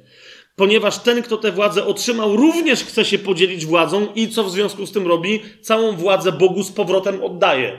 Tak? Jak jeden polski poeta kiedyś napisał wiersz, który się nazywa Koło tańca miłosnego, mniejsza o to, bo to, ale chodzi mi o to, że prawdziwe koło tańca, prawdziwie miłosnego, to jest właśnie to udzielanie się miłości przez przekazywanie sobie władzy. Jak Bóg przekazał całej ludzkości w swoim synu całą władzę, o czym on powiedział, mówiąc, dana mi jest wszelka władza na niebie i na ziemi, tak ostatecznie ta władza wróci w akcie pełnej lojalności. Rozumiecie? My mamy więcej władzy niż ktokolwiek wcześniej w Chrystusie. Chrystus ma więcej władzy niż ktokolwiek wcześniej i, kiedy, i kiedykolwiek później. A jednak co się stanie? Ostatecznie pierwszy list do Koryntian. Yy, sobie otwórzmy. To jest, to jest cudowny, to jest cudowny moment. Jak ojciec z taką mocą i z taką potęgą powiedział swojemu synowi: Kocham cię, jesteś moim umiłowanym synem jak ojciec z taką mocą i z taką potęgą powiedział w synu każdej i każdemu z nas: Kocham cię, dana ci jest wszelka władza na niebie i na ziemi. Tak zobaczcie, jaką odpowiedź następnie otrzymuje ojciec z powrotem. Jak brzmi w drugą stronę zwrócone: Kocham cię. To jest 15 rozdział pierwszego listu do mm, Koryntian, 24 i 25 werset. Paweł mówi: A potem będzie koniec. Kiedy? Gdy przekaże, chodzi o Chrystusa oczywiście, tak? E, który jest wspomniany, 23 werset, widzicie, tak? Każdy w, swoje, w swojej kolejności, Chrystus jako pierwszy, tak? Ok, więc potem będzie koniec, gdy Chrystus przekaże królestwo Bogu i Ojcu, gdy zniszczy wszelką zwierzchność oraz wszelką władzę i moc, które nie należą do Boga. Czy to widzicie? Co Chrystus przekaże Bogu? Królestwo, tak? To, które ojciec mu dał i które dla niego ustanowił, ono zostanie ostatecznie poddane ojcu. Potem będzie koniec, gdy przekaże królestwo Bogu i ojcu, gdy zniszczy wszelką zwierzchność oraz wszelką władzę i moc. I patrzcie, 25 werset, bo on musi królować, aż położy wszystkich wrogów pod swoje stopy. Tu już jest innego rodzaju położenie E, pod stopy ono nie jest służebne, ponieważ tu jest mowa o tych, którym się nie służy, ale których trzeba usunąć, żeby móc zacząć służyć tym, którzy, którzy, służby, którzy służby potrzebują. Teraz, dlaczego, dlaczego tak się o tym dziwnie rozgadałem, że, że, że, że pokazuję Wam, że Bóg wyraża miłość przekazując władzę? i że władza zawsze jest związana z przekazywaniem miłości. Ponieważ, kochani, sposobem przekazania władzy, teraz mówię kolejną bardzo istotną rzecz, tak, która na, powinna nam porządkować całość tego, co, z, z, czym, o czym później będziemy, yy, o czym później będziemy mówić. Sposobem przekazywania władzy, a więc potężnym aktem wyrażania miłości Bożej jest co? Zawarcie przymierza. Hmm? Widzicie, dlaczego musimy tego dotknąć, kiedy mamy robić wprowadzenie do ksiąg nowego przymierza? Tak? Ale teraz uważajcie. Uważajcie. E, ostatnio się pojawiła, zresztą w, w tych poprzednich sezonach parokrotnie o tym mówiłem, pojawiła się taka moda, e, wiedza, umiejętność, nie wiem jak to nazwać, e, żeby opisywać przymierze, jakie Bóg zawiera z człowiekiem przy pomocy tego, czego się dowiedzieliśmy z archeologii rozmaitych wykopalisk na temat tego, jak zawierali władcy przymierza ze swoimi ludami i ze swoimi wasalami i ze swoimi poddanymi. Tak? Otóż, kochani, yy, yy, jak potem jakieś by miały pytania padać, to, to, to nie, nie zadawajcie mi tego pytania. Ponieważ jeżeli Bóg zawiera przymierze, przekazuje władzę poprzez zawarcie przymierza, przekazuje swoją władzę temu, z kim zawiera przymierze, to jedynym adekwatnym obrazem przekazania tej władzy jest małżeństwo. Czy jest to jasne, co teraz mówię? Jedynym adekwatnym, nie tylko symbolem, ale po prostu ee, nie metaforą, tak? Tylko po prostu za każdym razem Bóg, kiedy przekazuje władzę, zawiera przymierze z tym, z kim zawiera, tak jak mąż zawiera przymierze ze swoją żoną. Tak? To starotestamentowe Brit, Brit, przymierze, czy nowotestamentowe diatheke jest, które też można tłumaczyć jako testament e, i jak sięgamy do znaczeń tych wyrazów, to ludzie mówią, to może mieć takie znaczenie, tam to może mieć takie, tam i tak dalej. W rzeczywistości, za każdym razem, kiedy widzimy, jak Bóg opisuje to, co rozumie przez swoje przymierze, jest, jeszcze raz powtórzę, przymierzem małżeńskim, prawie że tylko i wyłącznie. I teraz druga rzecz, bardzo istotna, jak już to, to mamy powiedziane, za każdym razem jest to małżeństwo króla z kobietą, która nie jest księżniczką. Jeszcze raz powtórzę. Przymierze Boga z ludźmi, przymierze Boga z człowiekiem za każdym razem ma taki charakter, jakby jakiś wielki król chciał się ożenić z kobietą, która nie jest wysokiego rodu, która nie jest arystokratką, która nie jest córką innego króla. Czy jest to jasne, o czym mówię? W tym sensie, jakby, rozumiecie, widać wyższość jednej osoby wobec drugiej, ale też ta wielka osoba dzieli się naprawdę wszystkim, co ma z tą osobą, która niczym sobie w sobie nie zasłużyła na to, żeby dostać to, co dostaje. Czy jest to jasne? Ale jeszcze jedno, w tym wszystkim zrozumcie, chodzi o miłość, a nie o władzę. Chodzi o miłość, a nie o dzielenie się. Tylko, że jeżeli król się żeni, to siłą rzeczy dzieli się swoją władzą. Czy jest to jasne? Za każdym razem, kiedy będziemy przedstawiać przymierze Boga z człowiekiem, i dlatego powiedziałem, wiecie, na początku zacząłem od tego, że przekazanie władzy jest wyrazem miłości. Ponieważ Bóg jest miłością, tak? Miłość chce się ożenić, tak? Miłość chce się połączyć z tą drugą osobą, którą kocha. A najwspanialszym, najpotężniejszym, jedynym na razie sensownym wyrazem e, tego rodzaju ochoty i tego rodzaju działania, jakie mamy na tej ziemi, jest małżeństwo e, mężczyzny z kobietą i kobiety z mężczyzną. Rozumiecie, o co mi chodzi? Dlatego, no akurat w tym wypadku Bóg tu jest bardziej królem raczej niż królową, więc dlatego mówię, że to jest małżeństwo króla, tak? Z kimś, kto wydawałoby się, że jest niegodny tego rodzaju związku. E, mnóstwo macie tego rodzaju, jak żeśmy rozważali Stare Przymierze, to pamiętacie, że myśmy o tym wielokrotnie mówili, tak?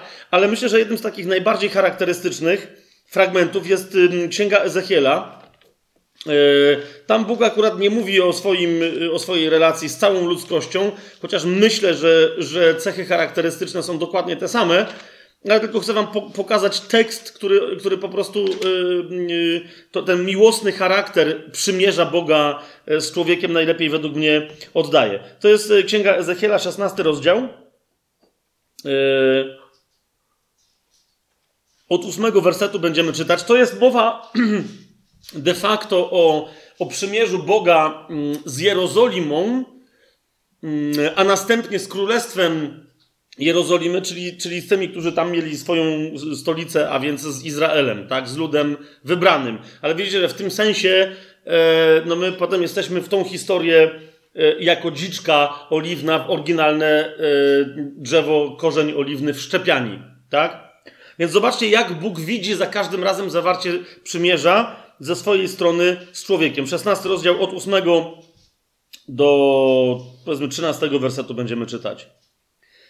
To mówi Bóg. A gdy przechodziłem obok ciebie i spojrzałem na ciebie, Oto był to Twój czas. Czas miłości. Rozciągnąłem połę swojej szaty na Ciebie i zakryłem Twoją nagość. Związałem się z Tobą przysięgą i zawarłem z Tobą przymierze, mówi Pan Bóg, i stałaś się moja. Widzicie to? Cała historia zbawienia każdego człowieka, ale też wynikającej y, z tego, z tego zbawienia przyszłości jest, powiedziałbym, zawarta w tym, w tym jednym zdaniu. To był czas miłości. Co Pan zrobił? Rozciągnąłem połę swojej szaty na Ciebie, zakryłem Twoją nagość, tak? Twój wstyd, który obnażał twoją nie, Twoje bycie człowiekiem niesprawiedliwym, grzesznikiem skazanym na piekło, tak? Zakryłem Twoją nagość. Związałem się z Tobą przysięgą i zawarłem z Tobą przymierze. Wiecie o co mi chodzi? Bóg nie pod... Ty, co Ty możesz Bogu przysięgać? Rozumiesz? Moc polega na tym, że ktoś, kto jest wierny i sprawiedliwy i prawdomówny, kto nigdy nie skłamie i zawsze będzie się trzymać swojego słowa, że On Ci przysięga. A nie, że Ty coś tam. Tak? Zawarłem z Tobą przymierze. To jest zawsze wyraz miłości Bożej. Przysięga i przymierze. Przysięga i przy... króla i przymierze z królem jest przekazaniem Ci władzy, ale tu chodzi o miłość. Jasne? Idziemy dalej. Potem obmyłem Cię wodą. No tu już yy, nie chcę przesadzać, że chodzi o chrzest, bo nie chodzi, ale. ale rozumiecie, że jakoś jest tu temat po drodze, tak? Potem obmyłem Cię wodą. Zmyłem. To jest historia Jerozolimy i Izraela, więc spokojnie. Potem obmyłem cię wodą, zmyłem z ciebie twoją krew i namaściłem cię olejkiem. Zobaczcie, co, co, co tutaj za historia się wydarza. Bóg nie jest gołosłowny. Jeżeli ci przysiąg, jeżeli zawarł z tobą przymierze, to zaczyna się tobą zajmować. Tak? Zaczy... Nie wypuści cię do rządzenia, nie przygotowawszy się do, do, cię do tego, tak? Okrył twoją nagość, ale wciąż widać, żeś brudno, żeś niedomyty, żeś... Nie! On nie wypuści cię na wstyd. Wszystko, co ci jest potrzebne, przygotuje. Obmyłem cię wodą, zmyłem z ciebie twoją krew, namaściłem cię olejkiem. Dziesięć. Patrz dalej, jak, jak idzie obdarowanie. Następnie przyodziałem cię szatą haftowaną, włożyłem ci buty z kosztownej skóry, opasałem bisiorem i okryłem cię jedwabiem. Mało tego, jedenasty werset. Przystroiłem cię klejnotami, włożyłem bransolety na twoje ręce i złoty łańcuch na szyję. Rozumiecie?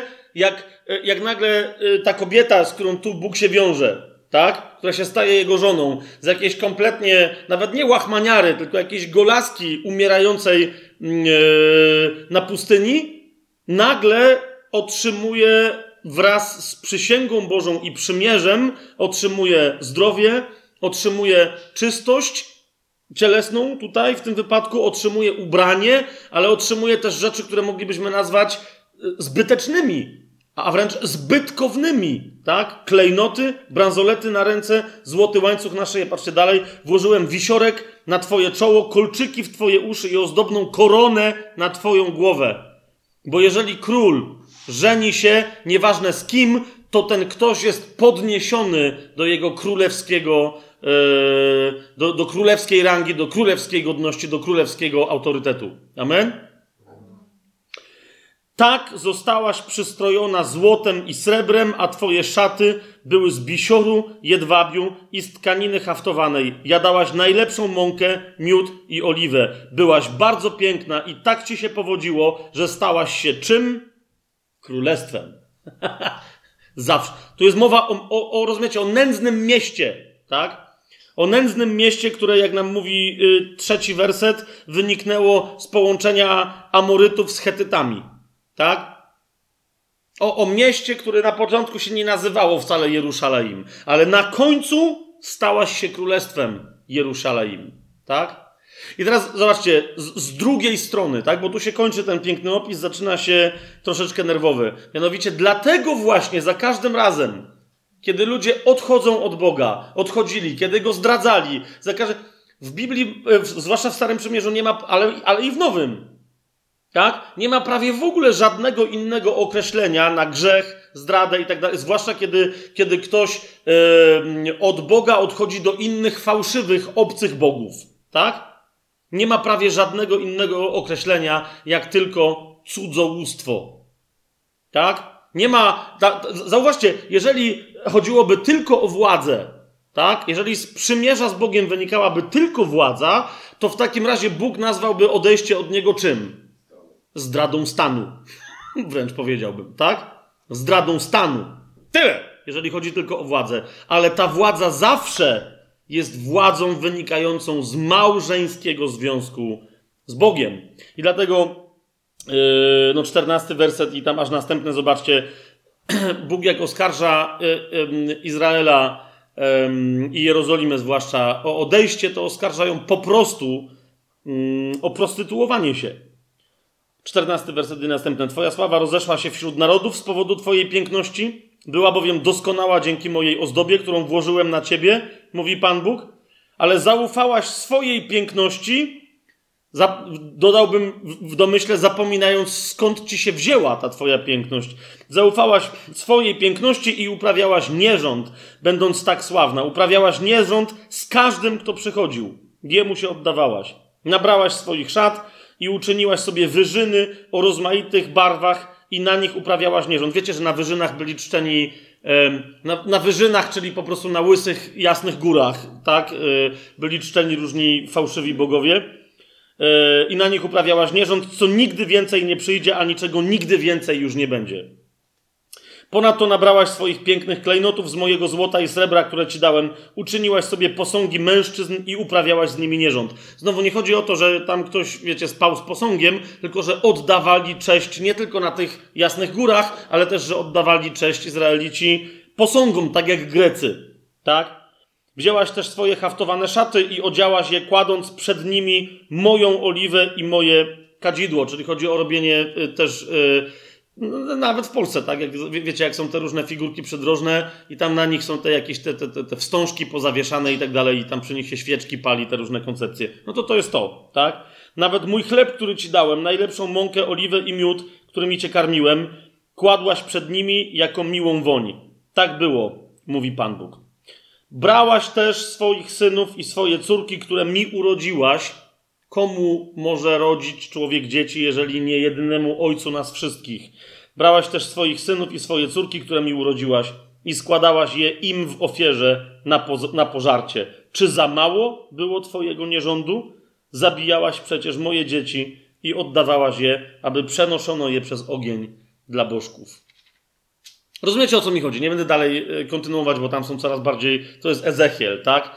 To, to są, to są drastyczne opisy, ale widzicie, jedynym e, synonimem prawie że, tak? E, no, sy, nie, no nie, prawie że synonimem w Biblii zerwania przymierza z Bogiem jest nierząd, jest prostytucja, tak? Nawet nie to, że zdrada małżeńska, ale taka zdrada, że żona zamieniła się w prostytutkę, tak? E, to też z drugiej strony zauważcie, że w momencie, kiedy my będziemy mówić o nowym przymierzu, którego istotną e, częścią i aspektem e, jest właśnie dobra nowina o królestwie, to, a lub też dobrej nowiny o królestwie istotnym e, aspektem jest nowe przymierze, to też ostatecznie musi chodzić o, w tym o nowym ostatecznym przymierzu i w królestwie musi chodzić o ostateczne małżeństwo, w którym wreszcie nie dojdzie do zdrady. Tak? Co to za małżeństwo? Księgę objawienia sobie, e, Księgę objawienia sobie otwórzmy. Otóż nasze królowanie, i to jest, to jest właśnie to, tajemnica królestwa jest tajemnicą miłosną, a e, jest tajemnicą małżeńską. Tak? Księga Objawienia, 19 rozdział, znowu wróćmy tam i, i sobie otwórzmy, ale zupełnie inne e, miejsce objawienie Janowe. 19 rozdział, zobaczcie, szósty e, werset i następne. I usłyszałem jakby głos wielkiego tłumu i jakby głos wielu wód i jakby głos potężnych gromów mówiących co? Alleluja, bo objął królestwo Pan Bóg Wszechmogący. Widzicie to? Pan Bóg objął wreszcie królestwo. I teraz, co jest bezpośrednio związane z objęciem królestwa, tego, które będzie królestwem na wieki? Zobaczcie dalej. Cieszmy się i radujmy i oddajmy mu chwałę, bo oto nadeszło co? Wesele baranka, a jego małżonka się przygotowała. Dziś o co mi idzie? Nadeszło wesele baranka jego małżonka się przygotowała i dano jej ubrać się w bisior czysty i lśniący, bo bisior to co? Sprawiedliwość świętych. No to już widzimy, kto jest małżonką, tak? Małżonką są wszyscy święci związani ze sobą. Małżonką baranka jest ciało Chrystusa, który jest barankiem, a więc głową tegoż ciała. Dziewiąty werset i powiedział mi: Napisz, błogosławieni, którzy są wezwani na tę ucztę weselną baranka. Ponieważ oni ostatecznie doświadczą pełni mocy i błogosławieństwa yy, nowego przymierza. Nowego przymierza, które będzie przymierzem ostatnim, ostatecznym yy, i wiecznym.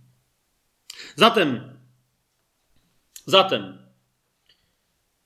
wszystko to, co związane z królestwem, ta tajemnica, o której wam mówiłem, miłości, która obdarza władzą, tak, e, jest związane z małżeństwem Boga, o którym Bóg marzy z ludźmi, z ludzkością. Dlatego te, rozumiecie, jeżeli Bóg się ożeni, że tak powiem, tak, z ludzkością, to dlatego my będziemy mieli tę władzę, której nie będą mieli nawet aniołowie. Ponieważ aniołowie nigdy nie będą w małżeństwie z Bogiem. Czy to jest jasne, co, co mówię, tak? Zauważcie, dlatego tak często Pan Jezus, kiedy mówi o sobie, yy, mówi o sobie Pan Młody. Jak mu na przykład zarzucają, pamiętacie, faryzeusze w momencie, że ty pozwalasz uczniom swoim y, jeść tam głosy, a jest szabat, a coś tam, a post, a, a on mówi, dopóki pan młody jest na imprezie weselnej, to wszyscy jedzą. Jak go zabraknie, no bo to jest koncepcja tego, że pan młody musi wyruszyć w podróż, żeby dopóki ostatecznie nie powróci i już nie będzie ze swoją żoną na zawsze, nie będziemy teraz tego rozważać, tak? Ale on mówi, dopóki pan młody jest na swojej imprezie, to wszyscy jedzą. Jak go zabraknie, to będą pościć, czekając aż wróci. Tak? Jedną z najbardziej fundamentalnych tajemnic królestwa, więc jest właśnie tak rozumiane, hmm, tak rozumiane jako małżeństwo wieczne przymierze. Nowe, wieczne przymierze. Ono y, naj, najlepszym, najpełniejszym jego wymiarem ostatecznie będzie małżeństwo baranka ze swoją oblubienicą, ze swoją panią młodą, e, którą jest Kościół. Tak? Teraz idziemy krok dalej, bo zauważcie, do czego doszliśmy te, do, dopiero. Doszliśmy w ogóle do hasła Nowe Przymierze. Tak? Przymierza były zawierane, Boga z ludźmi, miały mieć charakter małżeński, ale jak to wiemy ze Starego Przymierza w kółko, z kim by Bóg nie zawierał tego małżeństwa, to był zdradzany. Tak? musiał wymyślić sobie mod, że tak powiem, e, sposób na to, żeby wreszcie e, uczynić ze swojej żony wybrankę piękną i wierną. Piękną i wierną. Piękną, pełną wiary, której wiara przemieniła się w wierność. I teraz widzicie, e, po co był cały, dlaczego taką, takim tropem żeśmy szli? Bo E, jak sobie otworzycie Biblię, nie, nie, nie, nie, nie, gdzieś konkretnie, tak? Tylko, albo sobie możecie gdzieś otworzyć konkretnie, to zobaczcie, co tutaj się dzieje. Mamy w niej dwie, dwie, dwie, dwie takie części, które dobrze znamy, tak? To, to, to, patrzcie, to jest, to jest tak zwany Stary Testament, albo też Stare Przymierze, a tutaj mamy Nowy Testament, czyli Nowe Przymierze. Jak wam, jak wam się wydaje, jak wielki w stosunku do Starego Przymierza, Starego Testamentu jest Nowy Testament, albo w stosunku do Starego Przymierza jest Nowe Przymierze? Jedna trzecia? Coś, no coś takiego, tak? Jedna trzecia? No chyba tak, coś takiego. Znacznie, to jest znacznie mniejsze, tak? Dlaczego? Albo jeszcze jedno pytanie bym zadał. Gdyby, gdyby dzisiaj zapytać... Yy, Zobaczcie, ile jest zborów, denominacji yy, i tak dalej. Yy, kościołów, które się nazywają kościołami nowotestamentowymi, kościołami Nowego Przymierza, tak? Yy, gdyby tak zapytać ludzi, chrześcijan, wierzących, którzy żyją dzięki Nowemu Przymierzu, których nadzieją jest Nowe Przymierze, których przyszłością jest Nowe Przymierze, Gdyby zapytać, czym jest nowe przymierze, to jak myślicie, jak myślicie ile, ile osób by odpowiedziało zgodnie z pismem, niezgodnie ze swoim wyobrażeniem? Tak, jak teraz patrzę na was, to tak się zastanawiacie, czy, czy, czy wy byście odpowiedzieli. Ja, ja też nie wiem, czy bym, wiecie, jakby w pełni, ale czy w ogóle byśmy zaczęli odpowiedź jakąś sensowną, tak? Dlaczego? Skąd się to bierze? Myślę, że przede wszystkim stąd z niezrozumienia, yy, no, no, właśnie, że nowe przymierze, te księgi opisujące związane z nowym przymierzem, nie są nowe w tym sensie, że kasują tamte, które są już stare. Wiecie o co mi chodzi? Jest takie zrozumienie, to jest nowe przymierze, czyli jest aktualne. A tamto, to jest, to jest, rozumiecie, to jest update i upgrade. I to tylko się liczy. A tamte, no tamto już jest przestarzałe. Tak? Jest y, obsolete, jak to się po angielsku. To już było, ale nie ma. To się nie liczy, tak? Stąd niektórzy mają wręcz taki koncept, że to uciąć, tak? No bo to... Tymczasem, kochani, jak mówiliśmy o tym wcześniej, Bóg, który jest królem, zamyślił sobie, że stworzy różne rzeczy, ale wśród tych różnych rzeczy, że stworzy człowieka i jego myśl była taka, że z tym człowiekiem zawrze przymierze, które wobec relacji, jakie Bóg ma z czymkolwiek innym, będzie przymierzem małżeńskim. Rozumiecie? A więc, że człowieka wywyższy. I yy, nie będę się teraz w wdawał, dlaczego tak jest, ale według mnie, nie tylko, że według mnie, tak, tylko chodzi mi o to, że wielu yy, nauczycieli pisma i biblistów i tak dalej, egzegetów się też z tą myślą zgadza, tak? Y, Bóg zawarł z ludźmi jedno przymierze. Tak? Jedno przymierze. To przymierze, które było przymierzem z Adamem. Tak? To przymierze było z nim zawarte jako z pierwszym człowiekiem, a miało się wypełnić w ostatnim Adamie. Y, chodzi mi o to, że y, ja, że to jest kontrowersyjne, to co teraz mówię, ale gdyby ludzie, kiedy y, szatan ich próbował podejść i kusił, rozumiecie, gdyby ludzie nie ulegli temu kuszeniu, to o co mi chodzi? To, to przypuszczam, że zaraz po tym, jak wyrzuciliby oni szatana z Edenu, przyszedłby do nich Chrystus i dopełnił przymierza. Jasne jest to, co mówię? Nie, nie widzę, że, że to jest niejasne. O to, że Bóg dał panowanie nad, zie na, na, nad ziemią człowiekowi, musiało być przetestowane przez, jak każde inne przymierze, próbą lojalności. Tak? A wtedy powinien przyjść ktoś, kto by dopełnił tego przymierza. A więc przyszedłby Chrystus i by go dopełnił. Zadaniem Chrystusa od początku było, skoro w nim wszystko zostało stworzone i my w nim zostaliśmy stworzeni, zaplanowani, zaprojektowani, pomyśleni jako korona stworzenia, to rozumiecie, że tak czy siak od początku zadaniem Chrystusa, czyli wcielonego Syna Bożego, było co? Dokonanie nowego stworzenia w człowieku, nowego i ostatecznego. Tak? Widzicie, dlaczego musimy, musieliśmy zrobić jeszcze ten dodatkowy tutaj ten temat, zanim dojdziemy do tego, co to jest nowe stworzenie, nowe życie w Chrystusie, nowe stworzenie, nowy człowiek i tak dalej, i tak dalej, tak? Więc Chrystus by przyszedł, oczywiście to jest takie gdybanie, ale myślę, że to wynika z Biblii dosyć klarownie, że Chrystus by przyszedł i dokonałby wypełnienia. Dla, dlatego na krzyżu ostatecznie po wielu perturbacjach, kiedy jednak to się stało, krzyknął co? Wykonało się wreszcie wszystko, tak? Wykonało się to, co miał zaplanowane. Tylko ponieważ ludzie, jak już powiedziałem wcześniej, skrewili, popsuli trochę całą historię, w związku z tym Bóg musiał zaangażować, wdrożyć, wcielić w życie plan B. I stąd to pierwsze przymierze, zamiast być wypełnione ostatecznym przymierzem, rozumiecie o co mi chodzi? To jest takie, wiecie, otwarcie, tak? umawiamy się, że, a jeżeli warunki będą spełnione, no to wtedy już będzie coś, co się nigdy nie skończy. Taki był plan. Teraz, ponieważ ludzie warunki jednak złamali tego, tego początku przymierza, to dlatego Bóg następnie przychodził z kolejnymi przymierzami, ale które co robiły?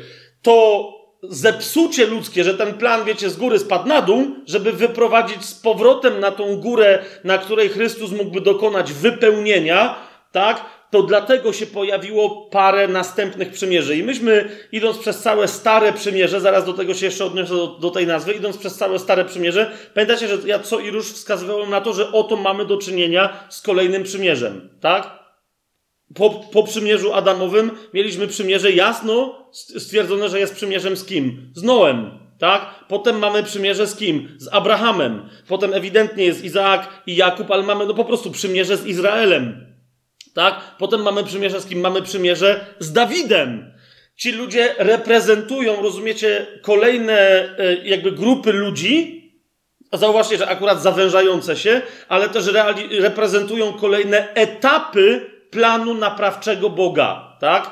Planu naprawczego czego? No, żeby e, to zepsute przez ludzi pierwsze przymierze, oryginalne, które po prostu w drugim kroku Chrystus miałby dopiąć, tak? To teraz to zepsute przymierze Bóg przez następne przymierza naprawia, żeby ostatecznie dotrzeć do czego? Do tego, co było celem od początku, czyli żeby dotrzeć do tego ostatecznego, nie ostatniego, ale ostatecznego wręcz przymierza, które będzie trwało wiecznie. Jest to jasne, co, y, y, co, co teraz powiedziałem? Dlatego, widzicie, ja wiem, że, że kiedyś próbowałem nawet to robić, żeby jakby nazywać to inaczej, ale ludzie tak patrzą wtedy i tak nie wiedzą za bardzo, co ja w ogóle gadam, tak? Więc, więc będziemy dalej mówić Stare Przymierze, Nowe Przymierze, Stary Testament i Nowy Testament, ale chciałbym, żebyśmy mieli to zrozumienie, tak? Że w rzeczywistości nie istnieje coś takiego jak Stare Przymierze, tak? ale istnieją, zresztą y, popatrzcie na przykład w liście do Hebrajczyków, y, tam Paweł dokładnie tak to nazywa. On mówi o pierwszym przymierzu, a ja bym powiedział, że no, to pierwsze przymierze się składa z pierwszych przymierzy. Tak? Więc powiedziałbym tak, te księgi tutaj, to nie jest żadne stare przymierze, tak?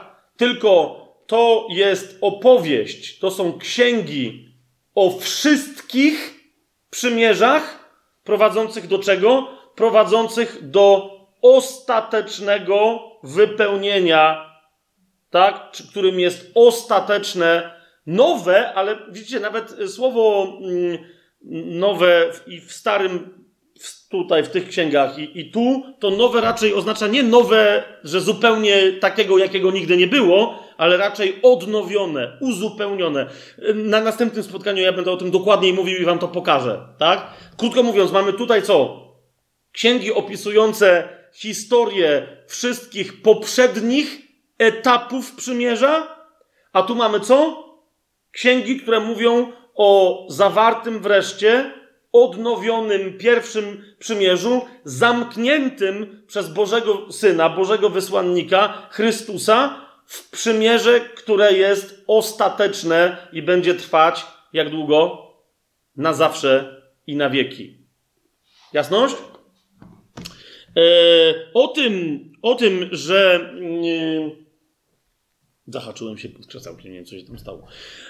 O tym, że, że de facto tak, istniało e, pierwsze Adamowe przymierze e, i że następne, no, o, o, które chodziło, drugie jest przymierze Chrystusowe, a te, a te właśnie, te, te poszczególne, pośrednie, to jest tylko historia naprawienia tematu, żeby mógł rzeczywiście Chrystus wykonać E, swoje dzieło. O tym na przykład mówi Paweł, nie będę więcej cytatów e, tu nam już dzisiaj kładł, bo byłby powoli czas, żeby kończyć, ale list do Rzymian, jak sobie otworzycie, to tam Paweł dokładnie, dokładnie z tej perspektywy, e, o, o w, w skrótowej wersji, ale o całej historii przymierza Boga z człowiekiem, opowiada. To jest list do Rzymian, piąty rozdział.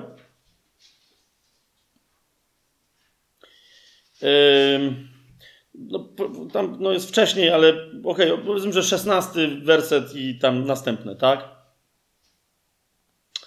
Yy, widzicie, Paweł mówi wyraźnie, że na początku jest jeden, ten jeden, który miał reprezentować wszystkich, tak? I on wszystkim zepsuł yy, całą radość, aż dopóki nie przyszedł ten, którego on nazywa ostatnim, tak? Czyli od szesnastego wersetu. Z darem nie jest tak, jak z tym, co przyszło przez jednego, który zgrzeszył. O kogo tu chodzi? O Adama. Wyrok bowiem jest z powodu jednego przestępstwa ku potępieniu, ale dar łaski z powodu wielu przestępstw ku usprawiedliwieniu. Jeżeli bowiem z powodu przestępstwa jednego, kogo? Adama. Śmierć zaczęła królować przez jednego. Nawiasem mówiąc, zauważcie, gdzie dochodzi do, do, do, do, do pomieszania, do zdrady, tam króluje, no właśnie, pojawia się królowanie, które jest przeciwne idei Bożego królowania, które jest pełne miłości, tak? Jeżeli bowiem z powodu przestępstwa jednego śmierć zaczęła królować przez jednego, tym bardziej ci, którzy przyjmują obfitość tej łaski i dar sprawiedliwości, będą królować w życiu również przez jednego, kogo? Jezusa Chrystusa. Tak więc, jak przez przestępstwo jednego, znowu kogo byśmy powiedzieli? Adama, to jest pierwsze przymierze. Przestępstwo polegało na czym? Na złamaniu tego przymierza. Tak więc, jak przez przestępstwo jednego na wszystkich ludzi spadł wyrok ku potępieniu, tak też przez sprawiedliwość jednego, Jezusa Chrystusa, na wszystkich ludzi spłynął dar ku usprawiedliwieniu dającemu życie. Jak bowiem przez nieposłuszeństwo, tutaj równie dobrze można byłoby chyba przetłumaczyć nawet nielojalność, rozumiecie, niewierność, tak? Bo w tym się posłuszeństwo jest, jest ich wyrazem. Jak bowiem przez nieposłuszeństwo jednego człowieka, Adama, wielu stało się grzesznikami, tak przez posłuszeństwo jednego nowego Adama Jezusa wielu stało się sprawiedliwymi. Widzicie to? Paweł mówi wyraźnie, cała reszta tej historii, tak, być może nie byłoby tych wszystkich pośrednich przymierzy, gdyby nie trzeba było naprawić oryginalnego błędu e, Adama. A Mesjasz musiał wówczas się pojawić, e, że tak powiem, w wyniku tych działań, które Bóg podejmował w poszczególnych, e, w, poszczególnych przymierzach. I teraz, kochani, w związku z tym ostatnia rzecz.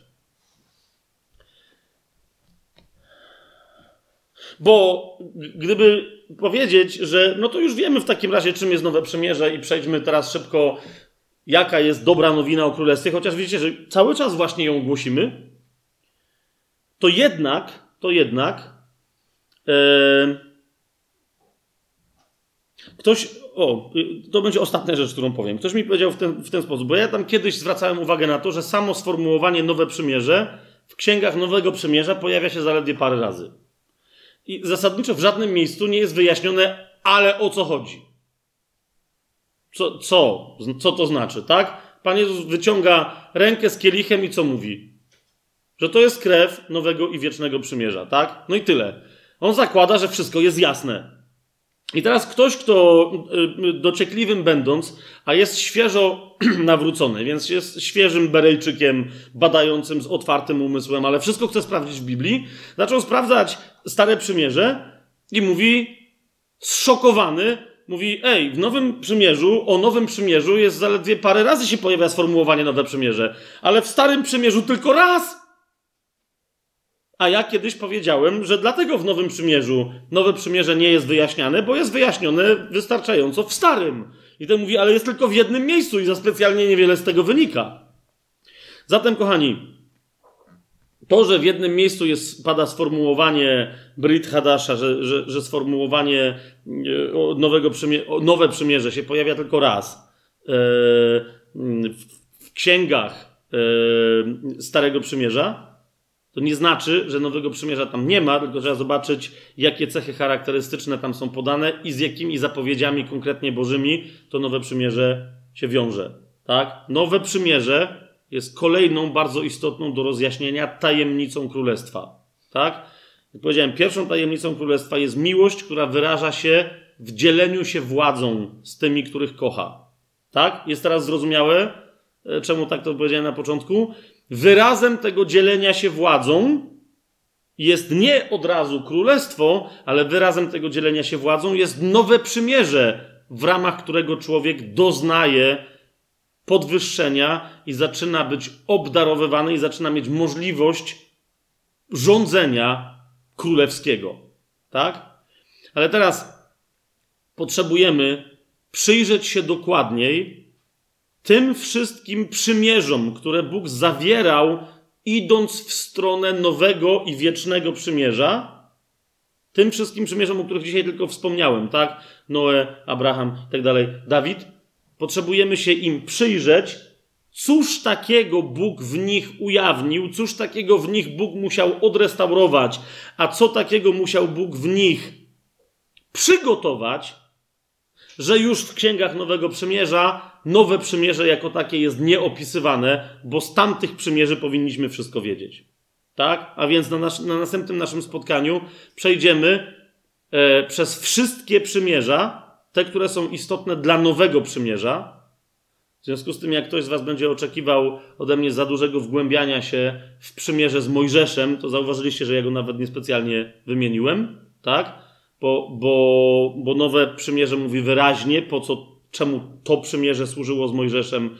Okej, okay chociaż też o tym y, nieco wspomnimy, zwrócimy uwagę na to, co tam Bóg zbudował, i od Nowego Przymierza przyjdziemy do tego, o właśnie, bo teraz jest kolejna bardzo istotna rzecz, a mianowicie, że Nowe Przymierze, podobnie jak wszystkie inne przymierza, nie, zauważyliście to, dzisiaj o tym już wielokrotnie mówiłem, ale to trzeba jeszcze raz głośno powiedzieć. Nowe Przymierze, podobnie jak wszystkie inne przymierza, nie zostało zawarte z tłumem, ale z jedną osobą. I tylko i wyłącznie w tej jednej osobie można uczestniczyć, poprzez tę jedną osobę można uczestniczyć w całym przymierzu.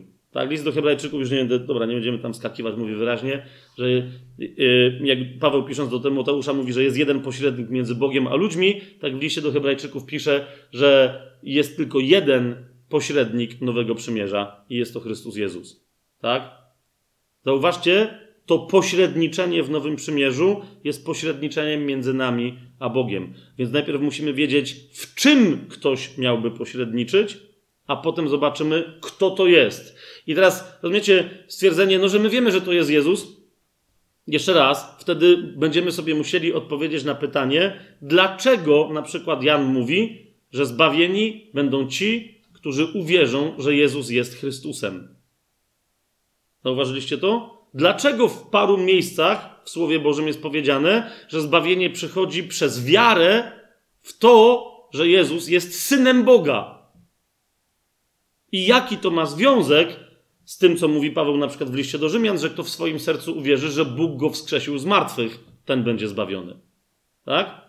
Bo y, także myśl, myślę, że niektórym, nawet wiecie, już czynnie y, głoszącym dzisiaj Ewangelię, może się też otworzą pewne aspekty, czego w ramach tego głoszenia Ewangelii nie głoszą. Nie chodzi mi o to, że przez to coś tam się, wiecie, złego stało, no tylko potem niektórzy ludzie yy, yy, plączą się w swoim nowym życiu i nagle odkrywają właśnie takie aspekty, tak, że Jezus to nie tylko zbawca i, i, tego trzeba się pilnować, ale że trzeba ruszyć do przodu z Nim jako z Synem Bożym, jako z Panem i jako z Chrystusem, Mesjaszem, który od początku był zapowiedziany jako klucz nowego i wiecznego przymierza. Eee, dobra, zakończmy, jak żeśmy zaczęli od ładnego, e, że tak powiem, motta, to zakończmy nie wiem czym, puentą? Nie, to też nie wiem. Okej, okay, Mateusza sobie otwórzmy, 13 rozdział.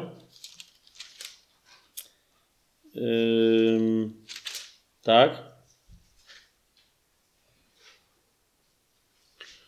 Trochę, żeby uzasadnić, czemu będziemy chcieli przejść przez te wszystkie Eee, to znowu będzie jeden tylko wykład, tak, ale chodzi mi o to, że, że będziemy, naprawdę będziemy potrzebowali przejść, tak żeby jak, jak po, myślę, że po tym wykładzie, jak ktoś cię zapyta, co to jest Nowe Przymierze, to mu powiesz, to jest to. I jednocześnie, rozumiecie, zgłębianie tej tajemnicy Królestwa, jaką jest zgłębianie tajemnicy Nowego Przymierza, które w tobie żyje, które jest ci zagwarantowane na wieki, jest tajemnicą, która powoduje, że zaczynasz się cieszyć w obliczu nawet najgorszych prześladowań. Dlatego myślę, że dzisiaj, między innymi dlatego, niektórzy chrześcijanie w ogóle nie rozumieją tego, jak wiesz, wiecie, jak pismo mówi, e, cieszcie się i radujcie, błogosławieni jesteście, kiedy ludzie mówią wszystko złe na was z mojego powodu. Ale dlaczego? Tak? Jedną z odpowiedzi na to, na to pytanie jest właśnie odpowiedź na, na pytanie, czym jest nowe przymierze. Tak? Dla, dla, dlaczego, dlaczego tak się dzieje? A y, sięgniemy do tych, y, do tych wszystkich y, ksiąg Starego Przymierza, do, do tych starych przymierzy, pierwszych przymierzy, i je opiszemy, ponieważ Pan Jezus mówi, że jeżeli ktoś chce nauczać, jeżeli ktoś naprawdę rozumie tajemnicę królestwa, to tak będzie nauczał. Zobaczcie w Ewangelii Mateusza w 13 rozdziale, no tam gdzie, gdzie byliśmy, tak, już, już dzisiaj, w 13 rozdziale,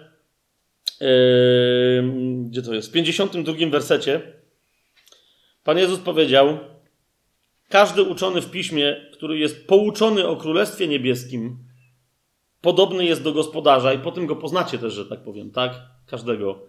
Każdy uczony w piśmie, który jest pouczony o Królestwie Niebieskim, podobny jest do gospodarza, który wydobywa ze swojego skarbca nowe i stare rzeczy i składa je w całość. Tak? To jest taka zachęta moja, mm, zwłaszcza wobec tych, którym na razie e, to, co robimy, może się wydać nieco trudne, skomplikowane.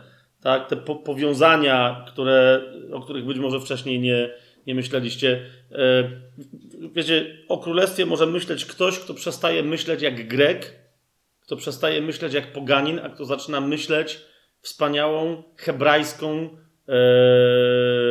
umysłowością, umysłowością języka hebrajskiego, która zawsze jest wielopoziomowa, która zawsze stawia znaki równania pomiędzy działaniami, o których nie wiedzieliśmy, że mają ze sobą jakikolwiek związek i tak dalej, i tak dalej. Jasne jest to, co mówię? To, chociaż to Yy, dobrze. A więc, a więc następnym razem sobie te stare i nowe rzeczy wyciągniemy, żeby być pouczonymi o królestwie i o tej jego kolejnej tajemnicy, jaką jest tajemnica nowego i wiecznego przymierza.